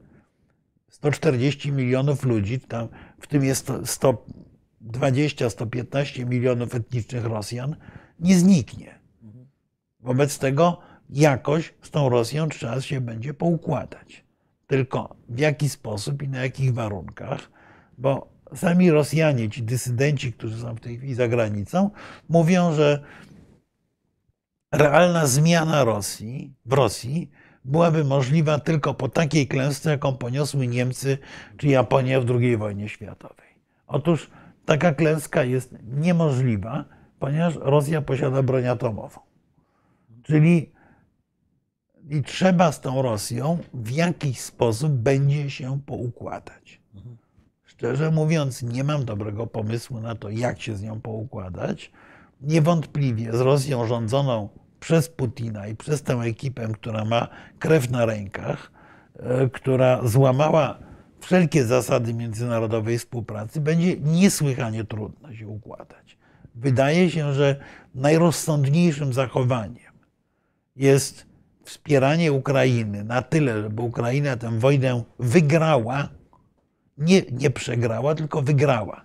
Wygra, wygraną rozumiem jako w wersji minimum powrót do status quo z 23 y, lutego 2022 y, roku, czyli sprzed napaści tej ostatniej rosyjskiej. Czyli i tak już zakładamy, że Krym i Donbas i część Donbasu jest poza terytorium Ukrainy. No ale powiedzmy, że to, to jest zwycięstwo ukraińskie. Bo czego ja się obawiam przy większym zwycięstwie ukraińskim, to jak w pewnym momencie prezydent Załęski mówił odbijemy Krym, to ja się obawiam, że jak Ukraina zaczęłaby odbijać Krym i by jej to wychodziło, to Rosjanie by się nie, nie powstrzymali przed właśnie użyciem tak. broni masowego rażenia. Więc tutaj więc po pierwsze Rosja musi przegrać wojnę. Przegrawszy wojnę, ale musi przegrać w taki sposób, żeby nie mogła... Żeby nie wysadzić w powietrze całego świata. Więc to nie jest takie proste. A po drugie, po przegranej wojnie Rosja musi wpaść w swoją kolejną smutę. W tą smutę i tak by wpadła, proszę Państwa, naprawdę. Ja myślę, że nawet to, jakby nie było tej agresji. Nawet jakby nie było tej wojny, to kumulujące się kilka kryzysów by Rosję doprowadziły do tej, się, Putin zdawał sobie z tego do tej sprawę. smuty. Ja się zastanawiam, że być może rosyjska elita z Putinem na czele zdawała sobie z tego sprawę i postanowiła po prostu przyspieszyć wydarzenia. Tak. Ale, ale Tak, tego to, nie wiem. I to łączy się z takim pytaniem który, pana, który, czy pani, która Alma Mater się tutaj pisze, mianowicie e, i który jest e, posądzana ta osoba, jest, że to jest rosyjski troll, a my, ale my potraktujemy poważnie, jeśli i pisze tak, jeśli mamy być, e, ma być bez obijania bawełny, to musimy sobie jasno powiedzieć, że to Stany Zjednoczone sprowokowały konflikt na Ukrainie i dążą do sprowokowania konfliktu o Tajwan. Wiele razy, w, tym, w, tym drugim, w tym drugim wypadku e, skłonny byłbym w jakimś stopniu się zgadzać. To znaczy, w interesie Stanów Zjednoczonych leży to, że jeżeli ma się odbyć wojna o Tajwan, to żeby się odbyła jak najszybciej. E, w momencie, To kiedy Amerykanie mają tak, zresztą, tak. przewagę. Tak. E, Tak jak wyglądały, e, tak jak to wyglądało z, ze sprowokowaniem, ale znowu właśnie sprowokowaniem Japonii do ataku na Pearl Harbor. Natomiast pamiętajmy znowu, z kim mamy do czynienia. No, Amerykanie chcą powstrzymać rozwój, marsz i wzmacnianie się reżimów autorytarnych. Oczywiście, oprócz tego mają swoje narodowe interesy, które akurat są e, mocno sprzeczne z interesami chińskimi. Tu zgoda. Natomiast dążąc do realizacji tych interesów, jednocześnie cały czas zachowują gdzieś. Ja nie jestem pięknoduchem idealistą, ale jednak zachowują gdzieś tą kategorię obrony pewnego systemu wartości, stylu życia, jak zwał, tak zwał. Tego, który jest również naszym systemem wartości i naszym stylem życia. Więc z tego punktu widzenia e, sukces Amerykanów jest naszym sukcesem. Natomiast nie sądzę, że Amerykanie sprowokowali wojnę e, w Ukrainie, e, dlatego że ta wojna była od dłuższego czasu zakodowana w głowach Rosjan. Ja nie wierzyłem w to. Większość ekspertów w to nie wierzyła, że Rosjanie posuną się do pełnowymiarowej wojny. Natomiast wszyscy, którzy zajmują się Rosją, wiedzieli doskonale, że celem rosyjskim jest przyłączenie przynajmniej dużej części Ukrainy do Rosji. Ponieważ Rosjanie uważają, że jest to Rosja najzwyczajniej w Zwyczajnie w świecie. świecie, tak. Y, I y, było pytanie, jakiego oprzyrządowania do tego użyją. Wydawało się, że bardziej politycznego i gospodarczego. Widocznie wyszło im z rachunku, że się nie opłaca. W każdym razie nie byli sprowokowani. To była część rosyjskiego planu politycznego długofalowego. Znaczy ja bym tu dodał jeszcze, że mówienie o tym, że y, Ukraina mogła się znaleźć w NATO, no jest mówienie bajek. Dlatego, Znaczy nie, że, Ukraina mogła się znaleźć Nie, ale nie z tymi y, problemami, jakie miała. To znaczy nie wtedy, kiedy miała spór z Rosją o Krym, No nie, o Donbas. to, no to- ale to dlatego Rosjanie te spory Dlatego z Gruzją wywołali, i z tak. Ukrainą wywołali. Tak, Tak, ale- ale- my, nam Ale, zabrakło... ale była tam jeszcze, prawda, i, i korupcja, prawda, i, i, Nie, i no, wiele, wiele jeszcze musieliby... taka lista problemów. Taka lista problemów, także nie, wiem, Natomiast 50 to, lat. Natomiast to. Rosjanie, znaczy Rosjanie sprowokowali i przeprowadzili kampanie wojenne e, w Gruzji i w e, Ukrainie, dlatego że nam zabrakło determinacji. Bo po pomarańczowej rewolucji otworzyło się na krótki czas okienko możliwości. E, Amerykanie mniej więcej rok z kawałkiem byli zdeterminowani, żeby Ukrainę przyjąć do NATO. No bądźmy szczerzy, Gruzja jest ogonem. Gruzja jest dodatkiem.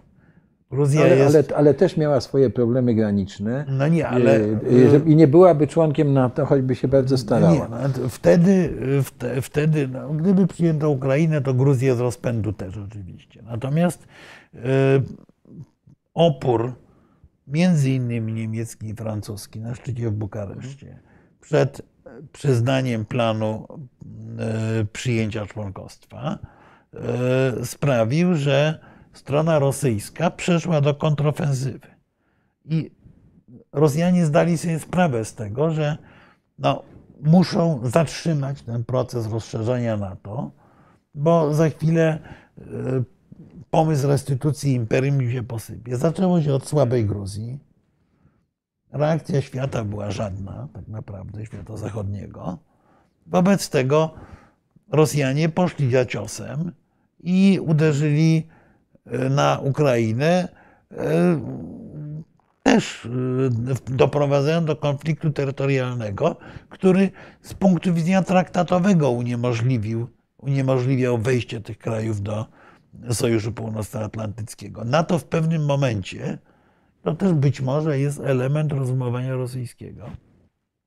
NATO w pewnym momencie wystąpiło wobec Gruzji z propozycją, że jeżeli Gruzja chce wejść do NATO, to pod warunkiem, że formalnie zgodzi się, iż natowskie gwarancje nie będą obejmowały tych dwóch e, secesyjnych prowincji, czyli Abchazji i Osetii Południowej. To powiedział sekretarz generalny w czasie wizyty w Tbilisi. Ja myślę, że to dla Rosjan też był taki dzwonek alarmowy, no bo może się okazać na przykład, że okej, okay, dobrze, bez Krymu i bez Donbasu Ukraina, e, przyjmujemy Ukrainę do NATO. No to by, a ambicje rosyjskie na Ukrainie są dużo większe. Pamiętajmy jeszcze o pewnej, o pewnej mitologii. Takiej, że mianowicie Kijów jest matką grodów ruskich. Że to jest historyczna stolica Rusi, a Rosjanie uważają, że Rosja i Ruś to to samo. Nie jest tak dobrze, no ale, ale yy, proszę Państwa, ja znam wielu Rosjan, bardzo przyzwoitych często ludzi czy mądrych. Ja naprawdę powtórzę to, bo kiedyś mówiłem. Na palcach jednej ręki pewnie mogę policzyć znajomych Rosjan, którzy naprawdę y, uważają, że Ukraina jest niepodległym krajem, a Ukraińcy oddzielnym narodem. To jest absolutnie powszechne przekonanie w tym kraju, że to jest po prostu, to jest mało Rosja, które, ludzie, którzy posługują się jakimś zniekształconym dialektem y, języka rosyjskiego.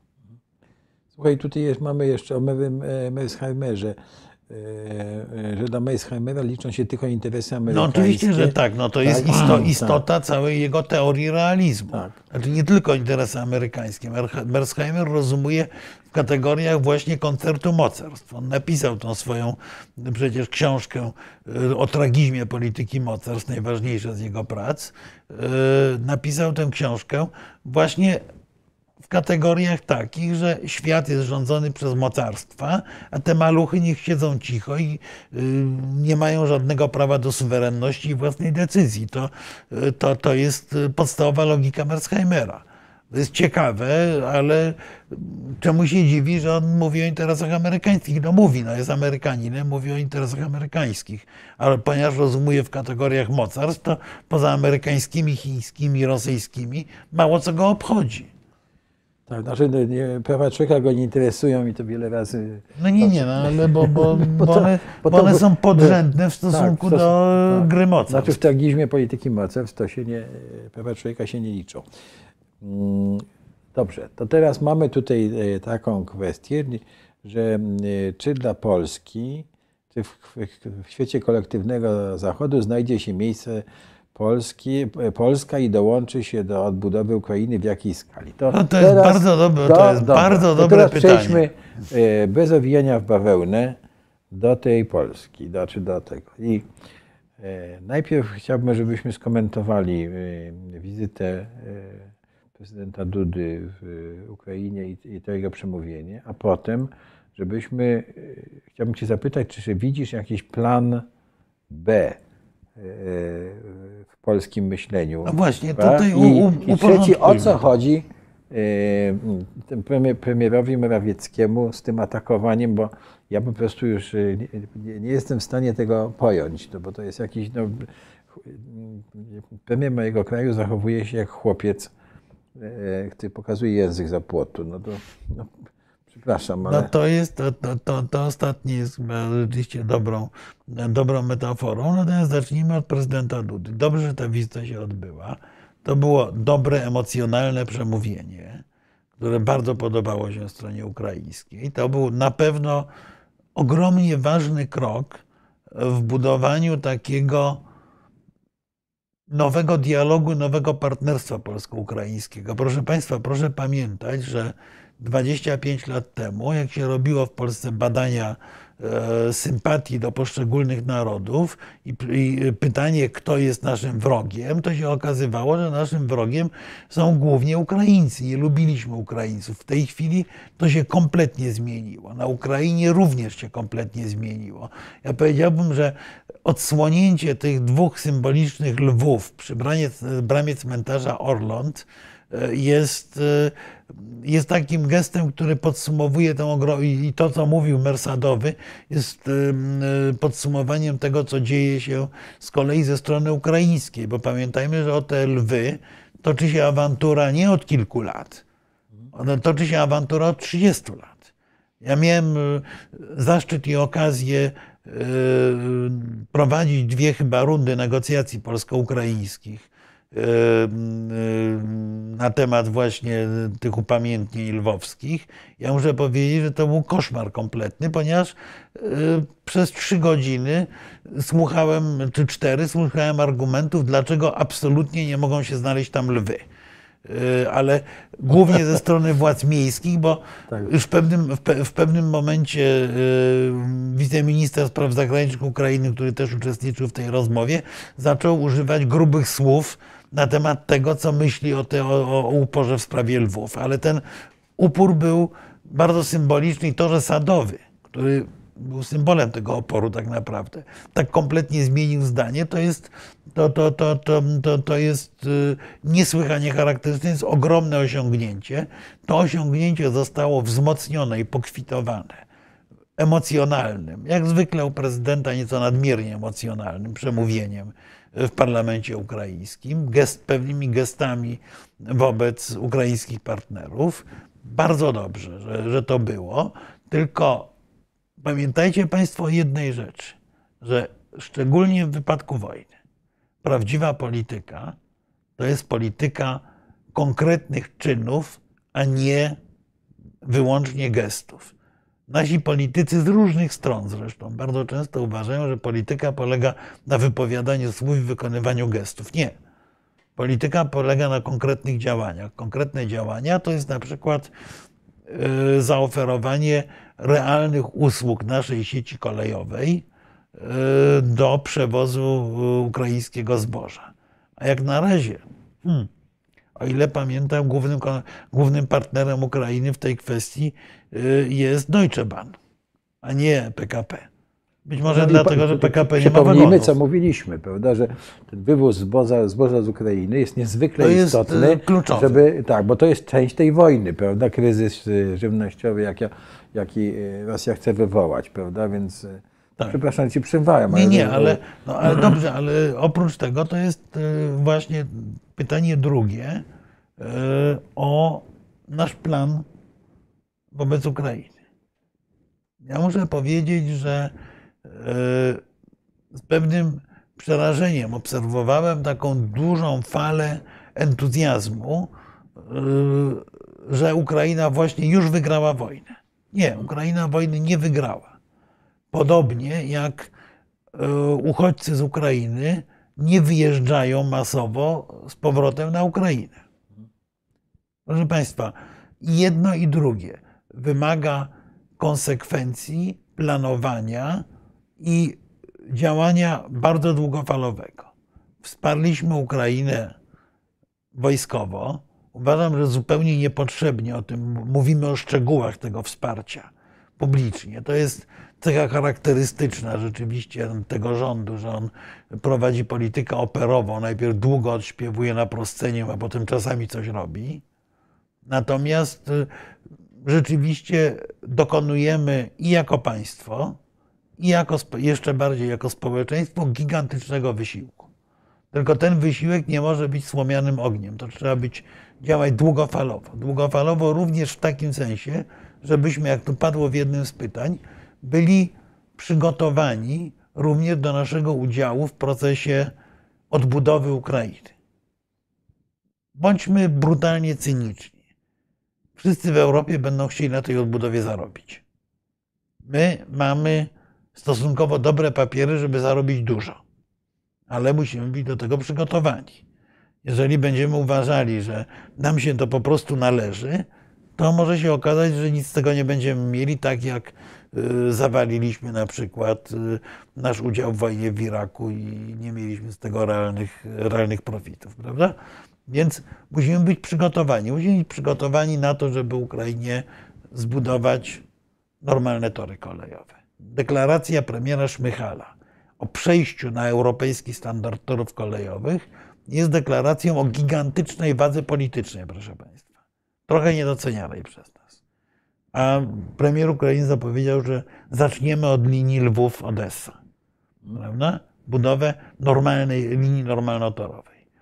Nasi inżynierowie powinni już siedzieć i kombinować, jak w tym pomóc.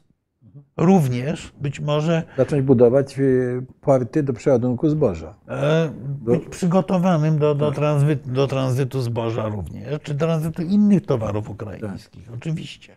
Ale na przykład jest pytanie, czy Ukraina nie powinna zrobić tego, co na przykład zrobiła w dużej części swoich sieci kolejowych Hiszpania, czyli zbudować podwójne tory. Takie, żeby mogły oba rodzaje pociągów się poruszać. To jest do rozważenia. W pewnym momencie ten ruski standard można zlikwidować. Rzeczywiście. Natomiast y, y, gdzie są nasi specy od kolejnictwa, od transportu, od y, y, budowy? Czy y, nasze huty rozważają przygotowanie szyn do tych torów ukraińskich i tak dalej? Nie wiem. Nie zauważyłem, ale być może się, mam nadzieję, że się mylę. Takich rzeczy są setki. I przy odbudowie Ukrainy takich rzeczy będą setki. Mieliśmy ogromną falę powstających firm budowlanych, które budowały w Polsce autostrady i drogi szybkiego ruchu. Teraz buduje się tego odrobinę mniej, natomiast mamy potencjalne zaplecze. Na Ukrainie, w Ukrainie trzeba odbudować prawie wszystkie drogi. Czy jesteśmy, czy, czy jesteśmy do tego gotowi?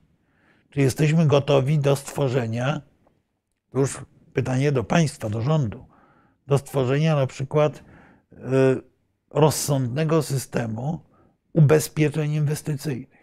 Bo na Ukrainie powinny inwestować prywatne firmy w procesie odbudowy. Zakładamy, że ta wojna się dobrze skończyła w tym momencie. Czy mamy system ubezpieczeń inwestycyjnych i eksportowych, bo jednak jest to działanie na obszarze o bardzo podwyższonym ryzyku. Bez y, szczególnych y, możliwości ubezpieczeniowych będzie wtopa. Nie, bo okaże się, że nie ma chętnych do ryzykowania. Taką listę polski premier powinien mieć na biurku i powinien ją na bieżąco aktualizować. Teraz pytanie trzecie i być może jeszcze ważniejsze, czy mamy plan B? Bo Czyli plan B, wyobrażam Czyli- sobie sytuację taką. Czyli na, sytuację taką, w której Ukraina tej wojny nie wygrywa, Tak, a być może nawet zaczyna przegrywać. I teraz pojawia się pytanie, czy takie ustawienie się w roli pierwszego frontmana, który publicznie walczy o, z Rosją, e, nie zaszkodzi nam? Nie wiem. Być Bez może nie. Mówi, mów bez obijania bawełny. Tak, ale nie, nie wiem, być może, być może nie zaszkodzi, być może zaszkodzi. Niewątpliwie y, to, że my potwierdzamy taki, y, y, potwierdzamy taki stereotyp polskiego, polskiej rusofobii nie jest za dobry. No dobra, ale proszę Państwa, pamiętajmy o jednej rzeczy, że w tej chwili, w tej chwili, na teraz, gdyby Ukraina zaczęła tę wojnę przegrywać, to Polska znajduje się w sytuacji kraju całkowicie zależnego. My wisimy, mówiąc językiem bardzo potocznym, u amerykańskiej klamki. Jesteśmy militarnie cały czas za słabi. Mamy bardzo złe relacje z całą Europą, które troszeczkę próbujemy poprawiać, ale na razie, y, na razie bardziej próbujemy niż poprawiamy. I w sytuacji i w sytuacji y, porażki Ukrainy jesteśmy zależni całkowicie od amerykańskiego pa- parasola, bo inaczej po prostu jesteśmy wystawieni na sztych i atak sił rosyjskich. Taka jest, ta, ta, taka jest brutalna prawda, że y, jesteśmy no, bez, w ogóle bez owijania w bawełnę, to mówiąc, mówiąc być może z pewnym przerysowaniem, że za, zaczynamy dochodzić do statusu y, suwerenności na poziomie Portoryko. Że po prostu jesteśmy krajem uzależnionym od jednego niesłychanie ważnego sojusznika. Y, To nie jest dobry pomysł i ten pomysł wynika z tego, że myśmy sobie napsuli relacji w Europie, że Polska, która była jednym z krajów formułujących europejską politykę, postawiła się w roli outsidera, a każda polityka powinna być oparta na kilku filarach. Wobec tego to, co powinniśmy robić w perspektywie, im szybciej się da, tym lepiej. To, co powinniśmy robić w perspektywie planu B, czyli przygotowania się na niedobry scenariusz. Nie najgorszy, No, bo to- najgorszy to nie- scenariusz to jest po prostu, to jest po prostu wojna.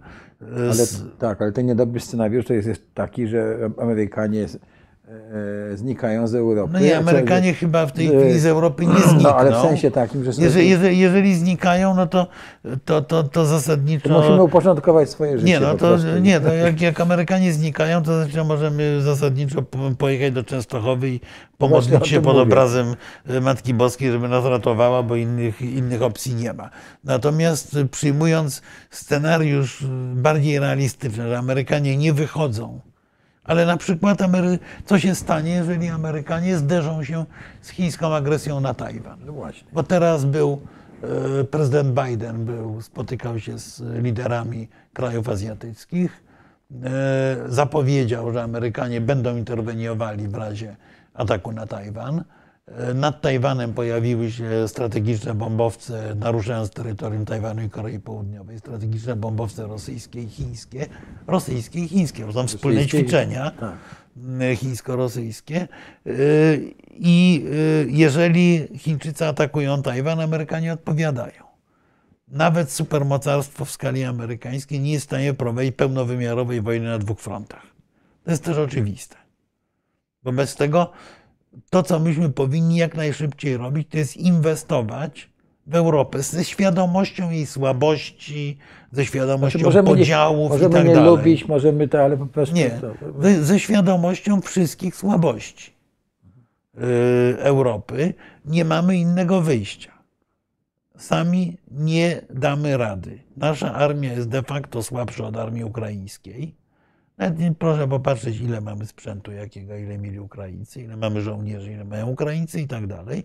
Wobec tego, yy, wo, wo, wobec tego musimy zacząć inwestować w tę europejską nogę Sojuszu Atlantyckiego. Po wejściu e, Szwecji i Finlandii do NATO, to jest bardzo dobra dla nas wiadomość, być może najlepsza w ogóle w wyniku, w wyniku tego konfliktu, czy tej wojny na Ukrainie. Ta decyzja Szwedów i Finów zmienia w bardzo dużym stopniu e, sytuację strategiczną Polski na lepszą, ale Unia Europejska i NATO właściwie są tym samym. Proszę zwrócić uwagę, że po wejściu dwóch krajów skandynawskich ważnych, poza NATO, z krajów unijnych, co pozostaje? Malta, Irlandia, Austria, ktoś jeszcze. W każdym razie zasadniczo następuje ujednolicenie obu tych struktur. Nie, nie ma obawy w tym sensie, że wzmocnienie europejskiej obrony będzie oznaczało jakiś spór z NATO. Już nie. A jako Europejczycy musimy być gotowi do stawienia oporu. Amerykanie w pewnym momencie powiedzą, że OK, zostawiamy wam parasol atomowy, ale resztą spraw zajmijcie się uprzejmie sami. No więc więc musimy zainwestować w Europie i w tym, w tym kontekście ja muszę powiedzieć, że e, dziwne wypowiedzi pana premiera rzeczywiście no, trochę mi zjeżyły włos na głowie, ale mi zjeżyły zresztą włos na głowie głównie w jednym szczegółowym punkcie. Mianowicie, bezpieczeństwo to nie są tylko czołgi i samoloty. To jest energetyka, to jest spójność społeczna, to jest też nie najmniej ważne. No ale powiedzmy, kwestia energetyki. Nasz premier mówi, że Norwegowie powinni się podzielić i że piszcie listy do Norwegów. Super. Po pierwsze, Norwegowie się dzielą jak mało kto, akurat, rzeczywiście. A po drugie, my jesteśmy w tej chwili w sytuacji niesłychanie trudnej, bo nasz rząd, e, stosując ten, ten model polityki operowej, ogłosił, że za chwilę otwieramy rurociąg Baltic Pipe. Istotnie prawdopodobnie go otworzymy. Tylko rurociąg to jest narzędzie. Natomiast w tym narzędziu powinien się znaleźć gaz. Skąd ten gaz się znajdzie, proszę Państwa? On się może znaleźć z Norwegii. Owszem, ale Baltic Pipe jest rurociągiem podłączonym do takiego dużego rurociągu Europipe prowadzącego z Norwegii do Niemiec i zakontraktowanego w ogromnej większości. Wobec, a myśmy mieli kontrakty z Norwegami na Baltic Pipe już gotowe, przygotowane trzy lata temu. Tylko w ramach jakichś wewnętrznych rozgrywek obozu władzy e, wyrzucono je do kosza i nie podjęto następnych negocjacji. Wobec tego mamy duże prawdopodobieństwo, że jeżeli uruchomimy ten Baltic Pipe, to w gorszym scenariuszu nie będziemy mogli nim pompować powietrze. E, no, mors z nadmorza północnego to czyste, prawda, świeże, też, bardzo dobrze. Też jest, tak, też tak natomiast, natomiast porzucając kpiny, e, jeżeli nie będziemy mieli wynegocjowanych kontraktów z Norwegami, to będziemy kupowali rosyjski gaz z Niemiec, e, pompowany Nord Streamem. Czy na pewno tego chcemy, jeżeli mówimy o, o bojkocie Rosji, ale... To teraz ja rozumiem tę wypowiedź yy, premiera, no bo że on po prostu sknocili coś w, to jest w niestety ne możliwe. negocjacjach i on się po prostu zburzył tak. że, i już, ponieważ tam sknocili, to zaapelował do tych tak jest, to jest Norwegów, dajcie nam, mimo tego, że tak. żeśmy sknocili. No, to, to jest niestety możliwe, że, że właśnie że, że to jest uprzedzające wobec, wobec zepsutych negocjacji, ale, ale to jest ogromny problem, bo proszę Państwa, jeżeli e, e, nie zostanie wynegocjowana kwestia tych dostaw, to e, sugeruję, żebyśmy się zaopatrzyli w kożuchy, bo od przyszłego roku będziemy marzli po prostu. Bo zabraknie gazu. To, to, to, to nie są żarty. Bo e, przypominam, że pan premier obiecał, że e, będzie drugi gazoport. No, taki e, przez statek gazowiec, ale to można robić. To i Niemcy będą robili, i Litwini mają taki gazoport. Miał być w Zatoce Puckiej. Być, być może tak, być może ten gazowiec w tej Zatoce Puskiej się gdzieś ukrywa, ale nikt go jeszcze do tej pory nie widział. Yy, więc... Znaczy rozumiem, że no, Nawiązujemy do czasów, e, nie wiem, Władysława IV, no bo nie, tam nie, flota... Ale, nie, tam miał być podłączony do, do sieci tak. gazociągowej, nie, tam, tam, tam, bo, nie, bo ten terminal tego typu jak litewski to jest po prostu statek, duży gazowiec, przez który przepompowuje się gaz ten gaz na, ląd. Na, na, na, na ląd, y, rozpręża się go i idzie w sieć. Po prostu nie można go magazynować tak jak w gazoporcie. Skądinąd gazoportu też jakoś, mimo obietnic, y, nie dobudowano nowych magazynów w gazoporcie, mimo że miały być zbudowane, żeby gazoport miał większą, większą pojemność y, składowania gazu. Y, tak, tak, tak, tak swoją drogą. Więc no, nie pozostaje nam nic innego, jak rozmowa z partnerami europejskimi, żeby w jakikolwiek sposób budować sobie elementy niezależności, proszę Państwa. Yy, więc pamiętajmy o tym, że prawdziwa polityka to jest polityka czynów, a nie polityka y, wyłącznie deklaracji. Tu jest, to, tu jest prawdziwy kłopot, więc ten plan B dla nas w tej chwili to jest, y, to jest tak naprawdę ufologia. Musimy siedzieć i mówić ufojcie Amerykanom. Bo nic więcej, nic więcej w tej chwili zrobić nie możemy. Jesteśmy krajem głęboko uzależnionym od jednego sojusznika. Lepiej od tego niż od, niż od innego, ale, ale mimo wszystko, y, mimo wszystko to, to w znaczący sposób osłabia naszą pozycję polityczną.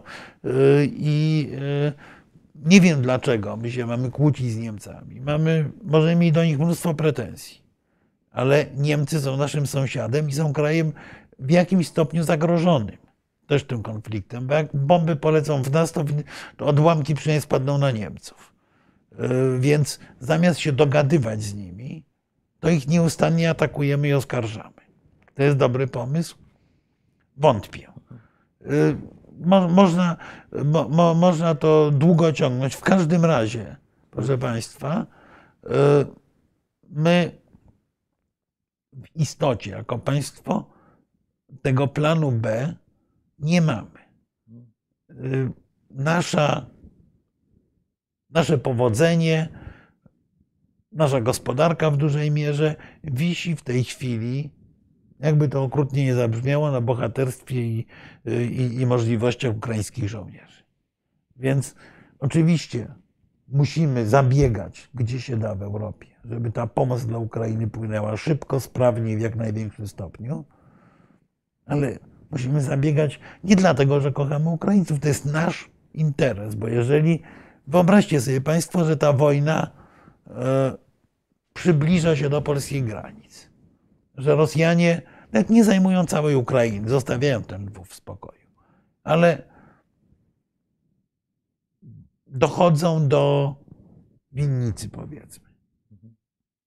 Kto zainwestuje w Polsce pieniądze? budowę fabryki, będąc 250 kilometrów od agresywnej armii rosyjskiej, to, to nie jest tylko kwestia zagrożenia wojennego. To jest również kwestia e, tempa rozwoju gospodarczego.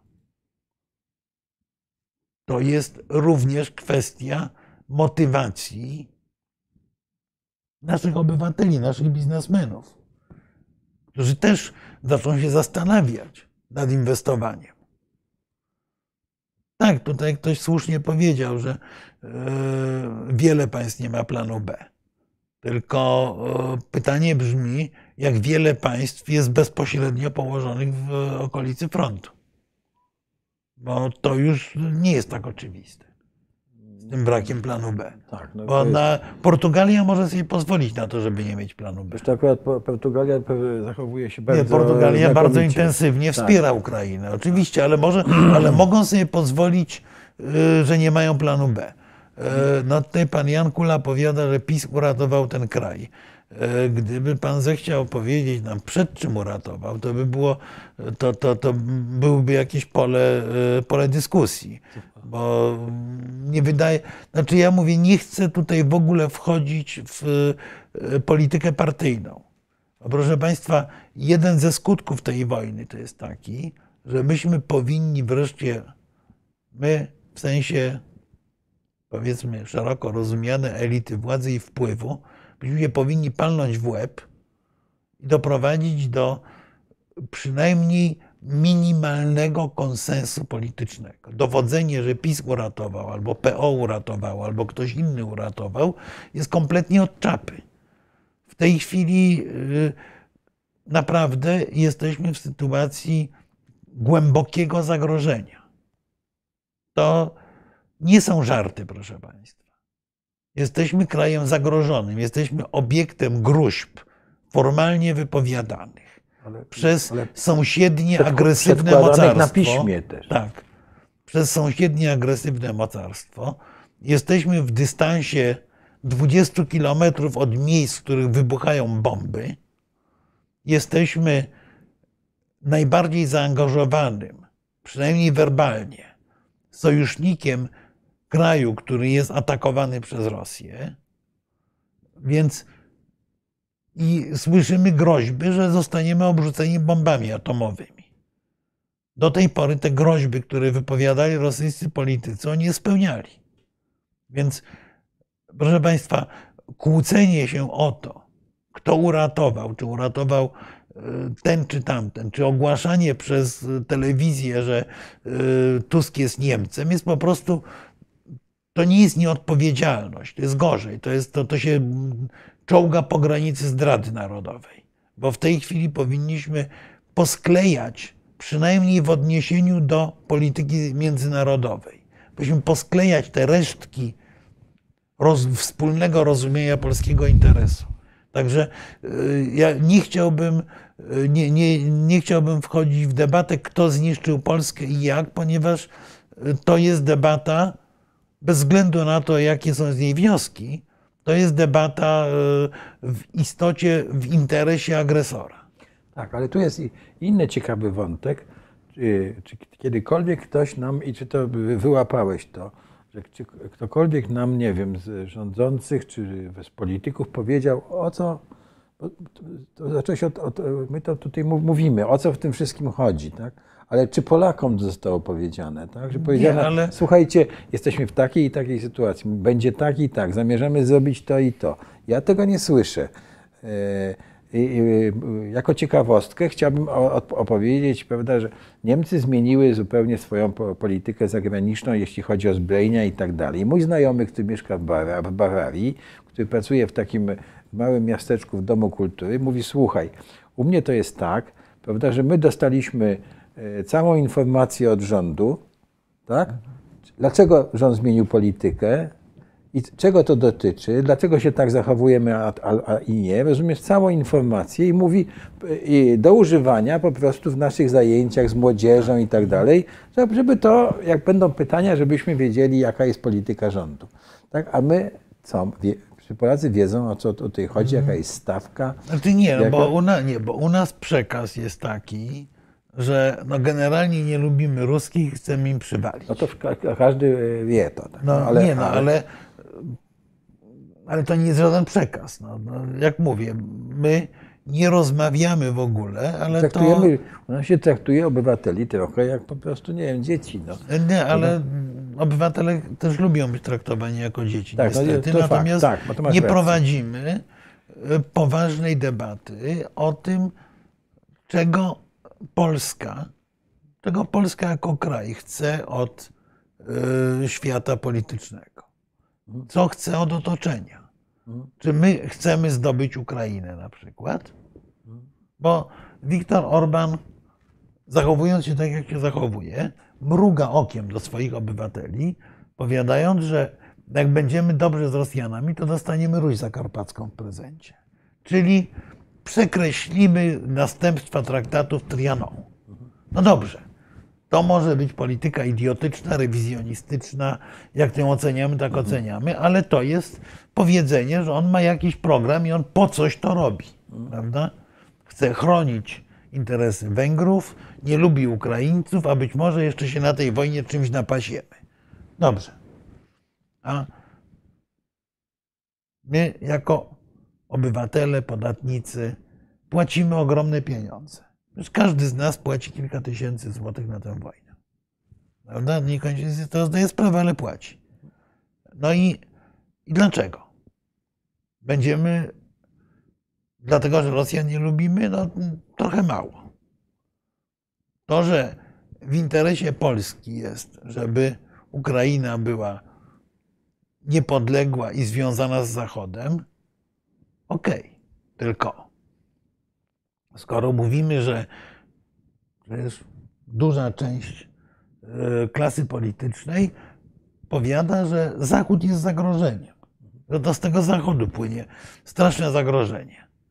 No to dlaczego od Ukrainy do tego zagrożenia mamy ciągnąć, prawda?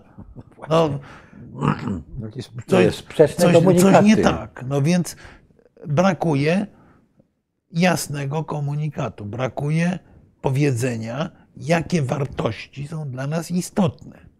Nie tak jak kupują czasami młodzi ludzie głupkowate koszulki śmierć wrogom ojczyzny, tylko chcemy dokładnie czegoś odwrotnego. Znaczy, moim marzeniem jest, żebyśmy byli jak Szwajcaria.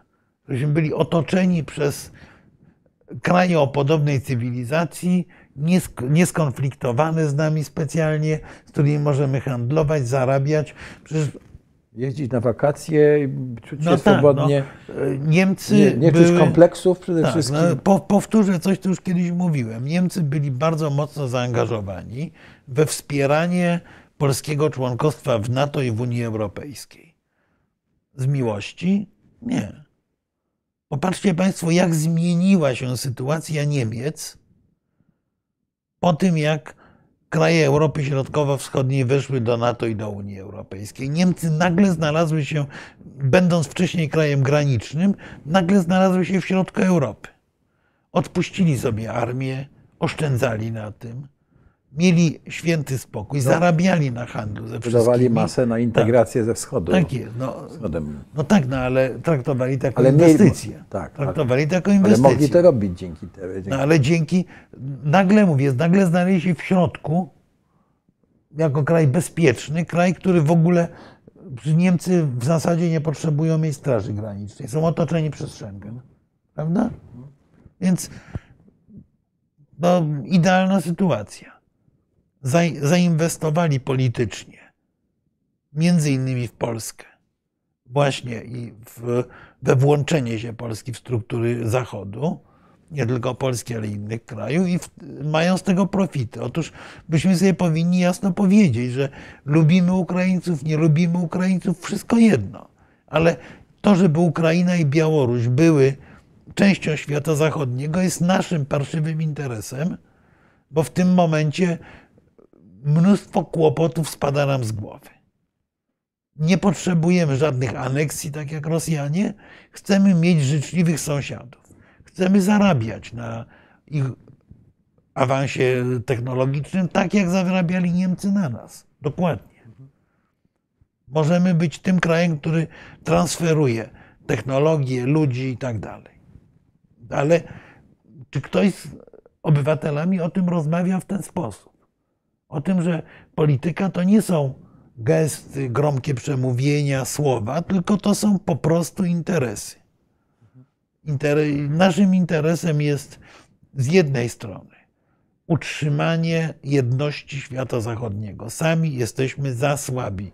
Powtarzajmy to sobie każdego dnia, jak chcemy skrytykować Niemców, Holendrów, Francuzów, którzy naprawdę robią różne rzeczy. Tylko nie krytykujmy ich agresywnie, a kry- rozmawiajmy z nimi, starając się zmienić ich postępowanie.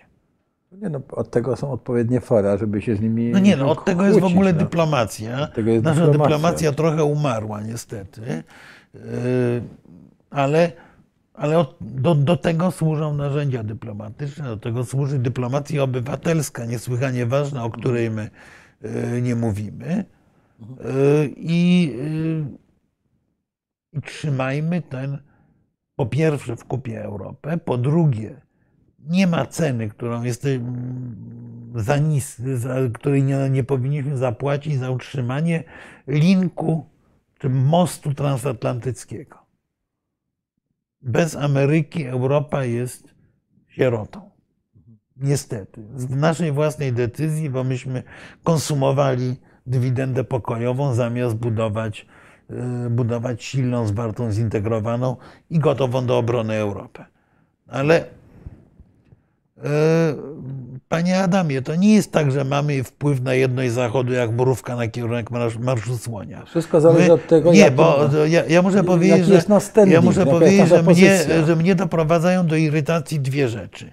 Z jednej strony e, opowieści o tym, że jesteśmy imperium i możemy w ogóle napaść na wszystkich, pogonić tutaj tego Łukaszenkę, to wsadzimy jutro do więzienia, nasz grom pojedzie, wyzwoli wszystkich Białorusinów i tak dalej. Są durnie, którzy takie rzeczy opowiadają. A z drugiej strony właśnie mówienie, że my jesteśmy tu mróweczka przy słoniu. Nie. My, panie Adamie, mamy solidny 15 mniej więcej procentowy udział w spółce akcyjnej Unia Europejska. 15% akcji to jest bardzo, bardzo poważny pakiet. Ale oczywiście nie pozwala nam decydować samodzielnie. Natomiast mamy bardzo duży wpływ na poziom integracji europejskiej. Mamy bardzo duży wpływ na różne działania Europy, zarówno poprzez to, jak, jaki przykład dajemy, jak i przez to, że my jesteśmy naturalnym, bardzo nie lubię słowa liderem, na, na, na, naturalnym zwornikiem, o może tak, całego obszaru Europy Środkowo-Wschodniej, bo jesteśmy najwięksi i byliśmy pierwsi. Te czynniki grają rolę. Wobec tego głos, te, te polskie 15% akcji może być, jak mówią na giełdzie, lewarowane przez kolejne 20 parę. Nie poprzez tworzenie jakichś mniej lub bardziej wydumanych struktur, tylko przez ciężką pracę codziennej rozmowy, codziennego kontaktu z sąsiadami i partnerami. I wreszcie ostatnia rzecz. My jesteśmy częścią, jak spojrzymy na mapę, takiego kręgosłupa Europy, który ciągnie się od Francji przez Niemcy do Polski i przechodzi na Ukrainę teoretycznie jeszcze. I w tym kręgosłupie Europy mieliśmy ciało nazywane trójkątem weimarskim, które próbują w tej chwili politycy reanimować. Ciało, które służyło właśnie integro, sensownemu integrowaniu Europy. Bo to nie chodzi o jakąś wizję ideologiczną. Niektórym chodzi, ale to nie chodzi o wizję ideologiczną. To chodzi o to, że po prostu wszyscy muszą mieć wspólny interes. I wieszając psy na Niemcach, pamiętajmy, że e, tak naprawdę to Niemcy są najbliższe naszym interesom.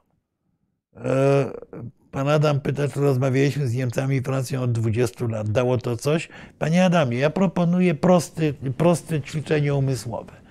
Niech pan spróbuje wyciągnąć gazety sprzed 20 lat, poczyta sobie o Polsce 20 lat temu i poczyta sobie o Polsce od strony materialnej, od strony politycznej dzisiaj. Mimo dobrych paru lat psucia tych relacji, nasza rola w Europie 20 lat temu i teraz jest kompletnie inna. Byśmy 20 lat temu byli petentem. W tej chwili jesteśmy krnąbrnym i złośliwym y, uczestnikiem europejskiej jedności, ale niewątpliwie jesteśmy członkiem klubu. Co nie, niekoniecznie musi być tak dalej, ale, y, ale dało to bardzo dużo. Więc y, to jest, to, to jest absolutnie, absolutnie oczywiste. No, niezauważanie tego to jest uleganie jakiejś takiej durnej propagandzie bo y, bolszewicy nam przez cały okres PRL-u tłumaczyli, jacy Niemcy są źli, bazując na II wojnie światowej. Tylko pamiętajmy, że bolszewicy na przykład również mieli specjalnego wysokiej rangi oficera KGB w Warszawie, który pilnował. Y, panie Adamie, no, od strony politycznej jesteśmy na tym samym poziomie. Na razie pozwolę nie zgodzić myślę, że naprawdę wystarczy przeanalizować. Rok 2002, pan uważa, że politycznie byliśmy, byliśmy na tym samym poziomie? Naprawdę? Dwa lata przed naszym członkostwem, jak wie pan, ja do 2001 roku byłem członkiem rządu. Ja wiedziałem, jeździliśmy jak dziad proszalny po Europie. Yy, poprzyjcie nasze członkostwo w Unii. Mo, może zapłacicie za taki czy inny projekt u nas. W tej chwili rozmawiamy jak równy z równym. No na Boga. No. Ktoś, kto tego nie widzi, no, ma końskie okulary na oczach. To naprawdę. E, Panie Adamie, każdy kraj ma swoje interesy. Ja przepraszam, że z panem Adamem wchodzę, akurat widzę kolejne wpisy. Niemcy mają swoje interesy. Tak, my też mamy swoje interesy. My nie poświęcimy ich dla nich, oni dla nas. Problemem jest to, żeby znaleźć wspólne pole interesów, bo mamy również pola jest, wspólne. Jest ogromne. Tak, ono jest. Z, z, Niemcami jest dużo większe niż z Francją, bo Niemcy są bliżej tego regionu i czują bardziej różne zagrożenia. znaleźć wspólne pole interesów. Na tym polega Unia Europejska. Unia Europejska polega na tym, żeby znaleźć wspólny mianownik dla tych 27 krajów. Yy, yy, to, to, Dobrze. Słuchaj, chyba nie, nie, ma, nie ma sensu wchodzić w polemikę, Tak, kto nas tak. traktuje i jak, bo polityka nie polega na traktowaniu. Y, Traktowanie jest dodatkiem. Y, Mówię, są interesy. Tak, ale możemy tu przyjąć, że e, skomentować to, że e, nas tak traktują, jacy, jak, jak my się zachowujemy w dużej mierze i jak so- sobie na to pozwalamy. Natomiast tu jest e, ciekawe pytanie jeszcze, czy Białoruś się dołączy do wojny i, i Białoruś się najpewniej nie dołączy do wojny. Znaczy Białoruś się dołączyła do wojny, udostępniając swoje terytorium. Natomiast myślę, że Łukaszenka nie zdecyduje się na użycie wojsk białoruskich, o ile nie zostanie zmuszony przez Putina, ale to dosłownie pistoletem przyłożonym do głowy, yy, z dwóch powodów. Po pierwsze, dlatego, że na Białorusi istnieje negatywny mit wojny Białorusini bardzo doświadczeni przez II wojnę światową mogą się w różnych rzeczach nie zgadzać, ale zgadzają się co do tego, że nie chcemy wojny. Wojna jest najgorszym, co może się zdarzyć. Jednym z głównych argumentów za niepodległością Białorusi w początku lat 90. to było stwierdzenie, że jak byśmy byli połączeni z Rosją, to nasi chłopcy będą musieli pojechać walczyć w Czeczenii. To przemawiało do każdego Białorusina.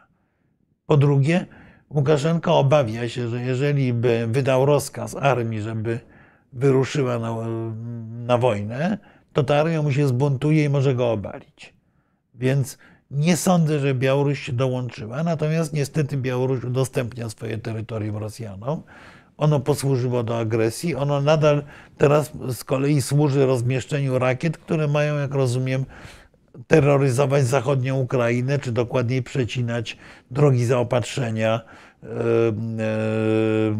armii ukraińskiej płynące z Polski czy, czy, czy ze Słowacji. Więc e, w tym sensie Białoruś w wojnie uczestniczy i powinna być za to ukarana, ale żołnierze ukraińscy biją się nie tylko za nas. Żołnierze ukraińscy biją się również za, za, za Białoruś. Dlatego, że jeżeli Rosjanie poniosą porażkę na Ukrainie, to y, automatycznie oznacza to zachwianie kompletne władzy Łukaszenki i prawdopodobne, prawdopodobne wyzwolenie się Białorusi. To mm, byłoby logiczną konsekwencją. Czy Rosjanie ponoszą, poniosą porażkę, to jest zupełnie inna sprawa. Ta porażka musiałaby być może niewielka, ale realna, dostrzegalna. E, No tutaj. no właśnie tu żeśmy od- odpowiedzieli. No nie, to- tu to- to pada pytanie o e, odtwarzanie trzeciej armii i informacji, że będzie kolejny atak na Kijów. Wszystko jest możliwe, natomiast mam wrażenie, że możliwości mobilizacyjne i sprzętowe Rosjan dobiegają końca i wątpię, że był ten atak na Kijów, chyba że przeceniamy z kolei możliwości obronne Ukraińców. Tego no, niestety mgła No. wojny jest jedną z tych rzeczy, które najtrudniej jest, y, na, na, na, najtrudniej jest przebić się przez nie. Y, Na razie większość specjalistów uważa, że ponowny atak na Kijów jest niemożliwy. Ale oczywiście, jeżeli Rosjanie, jeżeli Ukraińcy ponieśliby na przykład bardzo poważną porażkę w Donbasie, to być może tak. Tego, tego nie można wykluczyć, no, dlatego ta wojna jest tak okrutna i tak groźna również dla nas. Słuchaj, bo już prawie dwie godziny nam mijają, ale chciałbym zapytać. Tak, no tej, to tutaj pan Krzysztof pyta, czy gdyby reżim na Białorusi upadł i przejął ktoś prozachodni, yy, znaczy przypominam, że Rosjanie przygotowywali się na taką o- opcję i yy, w tej chwili z, ze znanych nam informacji. Wiemy, że Rosjanie brali pod uwagę interwencję wojskową na Białorusi w roku 2020, więc ja mówię, że w razie porażki Rosjan, porażka Rosjan oznacza e, woj- wojskowa porażka Rosjan na Ukrainie oznacza upadek reżimu putinowskiego i oznacza okres kryzysu wewnętrznego w Rosji, wyłaniania się nowej władzy. To będzie też władza imperialna, bo inna, inną sobie trudno w Rosji wyobrazić. Ale, ale tak jak w, na przełomie lat 80. i 90. Rosja, Związek Sowiecki wtedy osłabł na tyle, że udało się wyzwolić Polsce, Europie Środkowej, a nawet uzyskać niepodległość państwom Związku Sowieckiego, tak Rosja po porażce znalazłaby się w podobnej sytuacji. Znowu otworzyłoby się na krótko okno możliwości, jeżeli elity polityczne Białorusi byłyby gotowe, mogłyby uzyskać prawdziwą niepodległość bez tego ryzyka interwencji. Ale okna możliwości w polityce otwierają się zazwyczaj na krótko. Niestety na krótko. Ale chciałbym jeszcze o jedną rzecz, żeby Cię zapytać i żebyśmy ją tu poruszyli. Mianowicie o inicjatywę Borysa Johnsona, tą, którą on ogłosił, nie wiem, parę dni temu, zdaje się. Tutaj jeszcze padło jedno, jedno Tak, ważne pytanie, e, że referendum na Białorusi, Meduza twierdzi, że Moskwa zamierza przeprowadzić, przyłączyć do Rosji nie tylko Donbas, ale również Białoruś. Tak, to jest możliwe rzeczywiście, bo to jest to marzenie Putina. Odbudować Wielką Rosję. Ta Wielka Rosja kończy się dla niego w przybliżeniu na linii Dniepru i Dźwiny na zachodzie.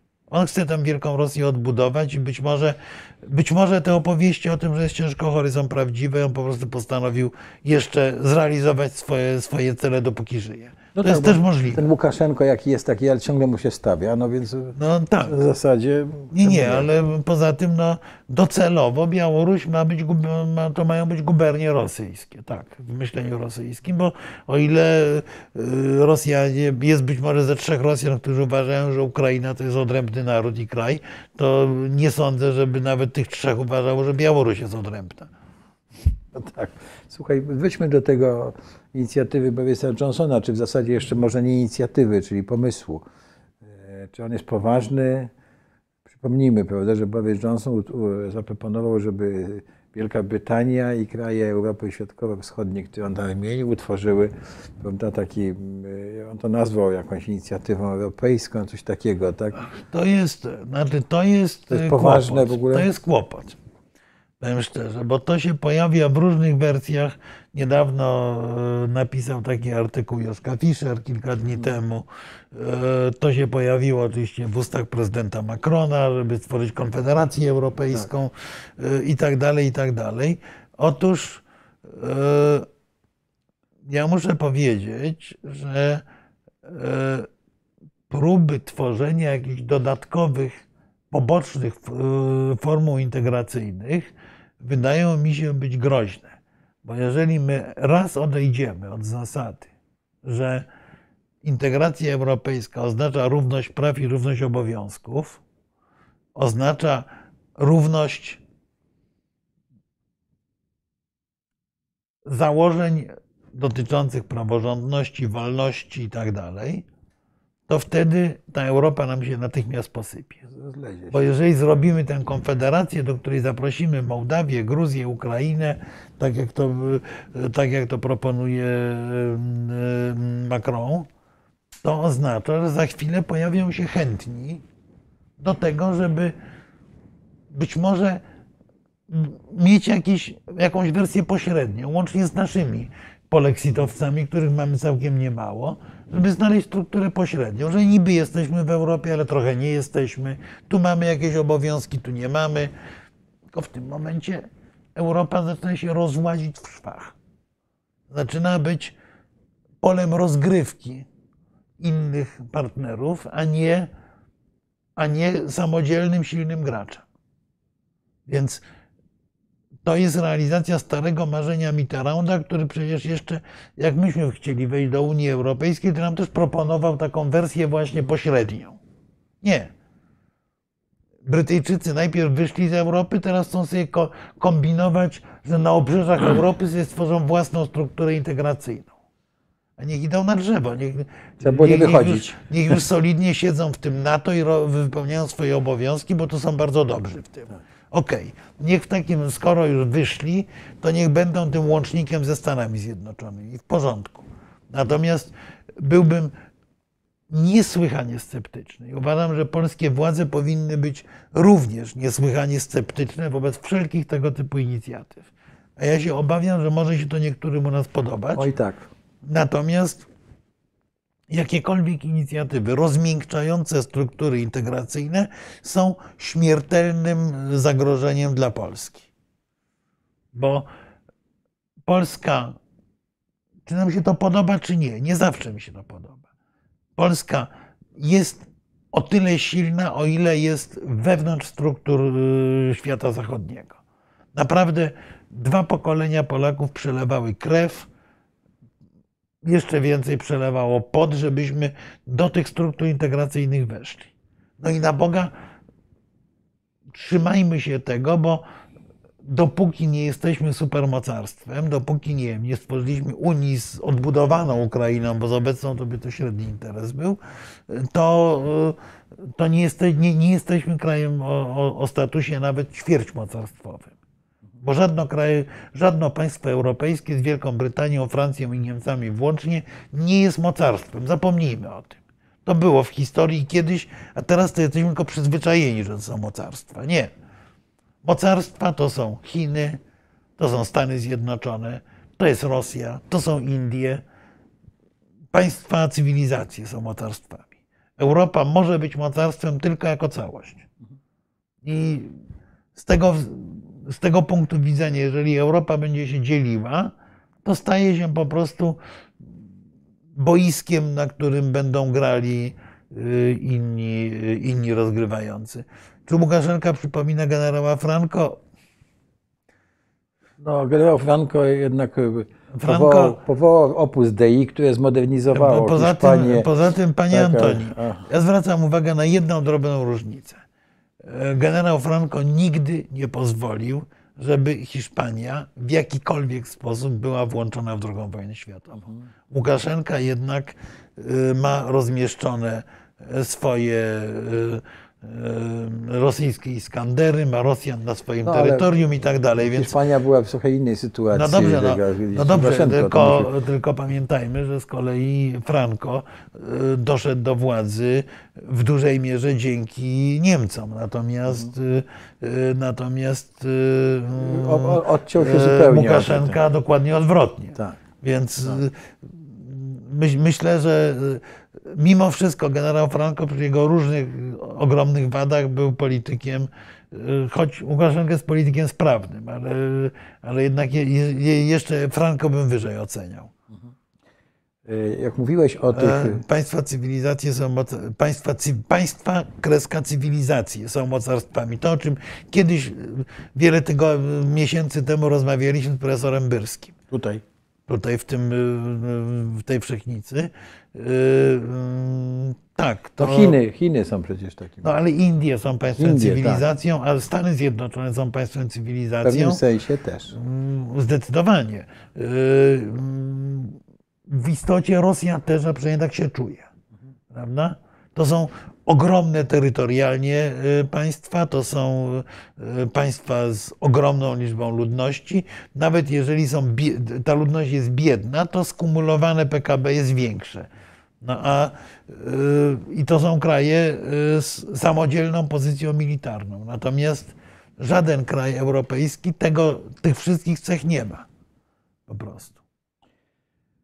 Proszę Państwa, i Marku, no chyba musimy kończyć. Ja tylko chciałbym powiedzieć, że dzisiaj miałem, uczestniczyłem w zakończeniu programu Poznawaj Amerykę, który my prowadzimy dla młodych ludzi. To jest e, dość trudny konkurs. Była dwudziestka wspaniałych e, ludzi z różnych stron Polski. E, I ja nie, nie lubię przemawiać, ale e, poprosiłem ich, że jak wrócą do domu, żeby przeczytali sobie mowę getysburską e, e, Lincolna. Bo jak mówiłeś o tych pokoleniach, które oddały życie, prawda, no to no właśnie tam Lincoln mówi, prawda, że musimy, e, nie, nie jesteśmy w stanie uczcić tych, tego, tych, tych ludzi tam, ale jedno przesłanie jest ważne, prawda, żeby takie rządy na tej ziemi, prawda, l- dla ludzi, przez ludzi, jak, jak to on zgrabnie powiedział i odsyłam Państwa do tej treści, żeby nie, nie przestały istnieć. Tak? I, i, I no właśnie tym bardziej w tych czasach to się staje naszym, naszym celem, prawda? I w tym, w, tym, w tym zwarciu, czy w tych wojnach, jakie teraz się toczą, prawda? Żeby, Tak, znaczy, żeby w tacy, grun- nasze, że tak powiem, podejście i te rządy Znaczy- demokratyczne nie przestały Znaczy istnieć. myśmy, w gruncie rzeczy my się bijemy, znaczy na razie biją się za nas Ukraińcy, w gruncie rzeczy w obronie właśnie naszego stylu życia. Ukraińcy się biją tak naprawdę za, e, za Zachód. Za Zachód jako pewną wspólnotę, która była negowana, była negowana właśnie szczególnie przez Rosjan. Bo Rosja od zawsze, to jest jakby inny temat, który być może warto będzie kiedyś podjąć. Rosja od zawsze była od początku państwa moskiewskiego. Rosja była antyeuropą. Od początku definiowała się jako antyeuropa, jako konkurencja, która jest od Europy lepsza, która nie akceptuje europejskich wartości. Yy, Takim symbolem jest to, że Rosjanie, władca rosyjski, ojciec Iwana Groźnego, przyjął tytuł cara. Otóż do tej pory w Europie był zawsze jeden cesarz. Nikt go nie szanował czasami, ale nikt nie podważał e, pozycji cesarza rzymskiego jako tego, który jest pierwszym wśród władców Europy. To było cały czas to, ma, to marzenie o jedności europejskiej cały czas nam gdzieś tkwiło w głowach. Od początku, od upadku Cesarstwa Rzymskiego jest cały czas poszukiwanie tej jedności europejskiej. Prawda? I nagle przychodzą, przychodzi ta dzicz mongolska z Moskwy i mówi: Ja jestem carem, jestem cesarzem. Tak. Tu będzie trzeci Rzym. To jest od początku państwa rosyjskiego, to jest państwo antyeuropa. I by, być może powinniśmy sobie w końcu z tego zdać sprawę. Także, no, to, co dzieje się w tej chwili w Ukrainie, jest w istocie właśnie zderzeniem cywilizacji. Tym, co, o którym pisał Huntington. To jest zderzenie cywilizacji, wojna proxy pomiędzy dwoma światami. Ten świat, który wyjdzie z niego zwycięski, ten ma szansę stać się tym nowym zwornikiem, czy, czy nowym twórcą trendów y, światowych, bo żyjemy niewątpliwie w takiej międzyepoce, prawda? Pomiędzy y, światem jednobiegunowym, światem bez historii, jak zwał, tak zwał. Natomiast y, tutaj widzę, że teraz wchodzimy w dyskusję o Rusi. Y, Otóż właśnie nie Ruś, tylko Wielkie Księstwo Moskiewskie to jest, y, to jest wizja antyeuropy. Ruś jest próbą sklejania. To, co mówiliśmy na samym początku, że rywalizacja o kierunek rozwojowy pomostu bałtycko-czarnomorskiego to jest rywalizacja o przyszłość Europy, o granice Europy. Jak Joszka Fischer napisał w tym swoim artykule, że no przecież Europa nie może rozszerzać się bez końca, to przy całej mojej sympatii do niego, bo to sympatyczny facet, y, jest to brednia. Europa ma się rozszerzać do momentu, kiedy granice Europy politycznej, czyli Unii Europejskiej, pokryją się z granicami Europy cywilizacyjnej, kulturowej, cywilizacyjnej, jak zwał, tak zwał. W tym momencie dalej nie ma sensu rozszerzania. Unia jest opisana. Unia jest opisana leżąca na kontynencie europejskim, wyznająca określone wartości. Wobec tego nie, nie może się rozszerzać bez końca. Kongo nie może być członkiem Unii Europejskiej. Prawda? Proste. No nic, chyba musimy kończyć, bo już dość długo. Więc ja przede wszystkim myślę, że możemy Państwa zaprosić na niedzielę.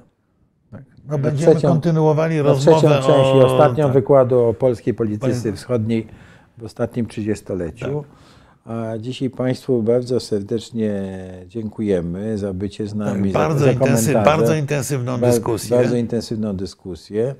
E, Rola, e, jaką, jaką, ja tu spełniam, no to jest prowokowanie Jerzego Marka Nowakowskiego do, No nie, do, no, jednak- do, wy- do wypowiedzi, no dlatego, że jest y, długo jest y, w polityce zagranicznej, był czynny, prawda, ma ogromne doświadczenie i, I zresztą sami Państwo to widzą. Także e, No to pozostawmy Bardzo- ocenie naszych, Tak. na, na, na naszych znakomitych widzów, ale y, myślę, że rzeczywiście, rzeczywiście powinniśmy jak najwięcej rozmawiać właśnie o tej polityce. Może, bo, może trochę w odpowiedzi na to, że te wiodące portale internetowe i wiodące, wiodące telewizje to nieprawdopodobnie spłycają. tak, znaczy spłycają i w ogóle no, mm, nie- dotykają wielu, wielu, wielu rzeczy i i Ja, problemów. ja Państwu bardzo dziękuję z kolei za te głosy i za, za, za, za aktywność. No i tam zostałeś przez kogoś zaproponowany, żebyś był społecznym ambasadorem na Ukrainie. E, Praca ambasadora na Ukrainie jest pracą ciężką. E, Społecznych ambasadorów na Ukrainie mamy sporo. Mamy Sporo, sporo tak. ludzi, którzy i- i kiedyś i obecnie angażują się we współpracę z Ukrainą. E, Więc e, no, ma, mam nadzieję, słuchaj, że nie owijaliśmy w bawełnę. To znaczy też mam nadzieję. Powiedzieliśmy po prostu e, e, wprost, e, o, co naszym zdaniem, znaczy ty głównie powiedziałeś, tak, o co w tej wo- wojnie chodzi. Znaczy, Tak, próbowałem powiedzieć, bo to Tak. jest ilość, ilość warstw, o które chodzi w tej wojnie jest ogromna. W tej wojnie chodzi o nowy porządek na świecie tak naprawdę. A ponieważ jesteśmy krajem średniej wielkości, to jeżeli ten nowy porządek na świecie będzie e, ułożony e, bez, bez spojrzenia przynajmniej, wzięcia pod uwagę naszych interesów, to strasznie dostaniemy po głowie. tak, tak, właśnie. I o tym powinniśmy pamiętać. No cóż, dziękuję Ci Bardzo bardzo. dziękuję. I do zobaczenia Również. w niedzielę, proszę. Do zobaczenia.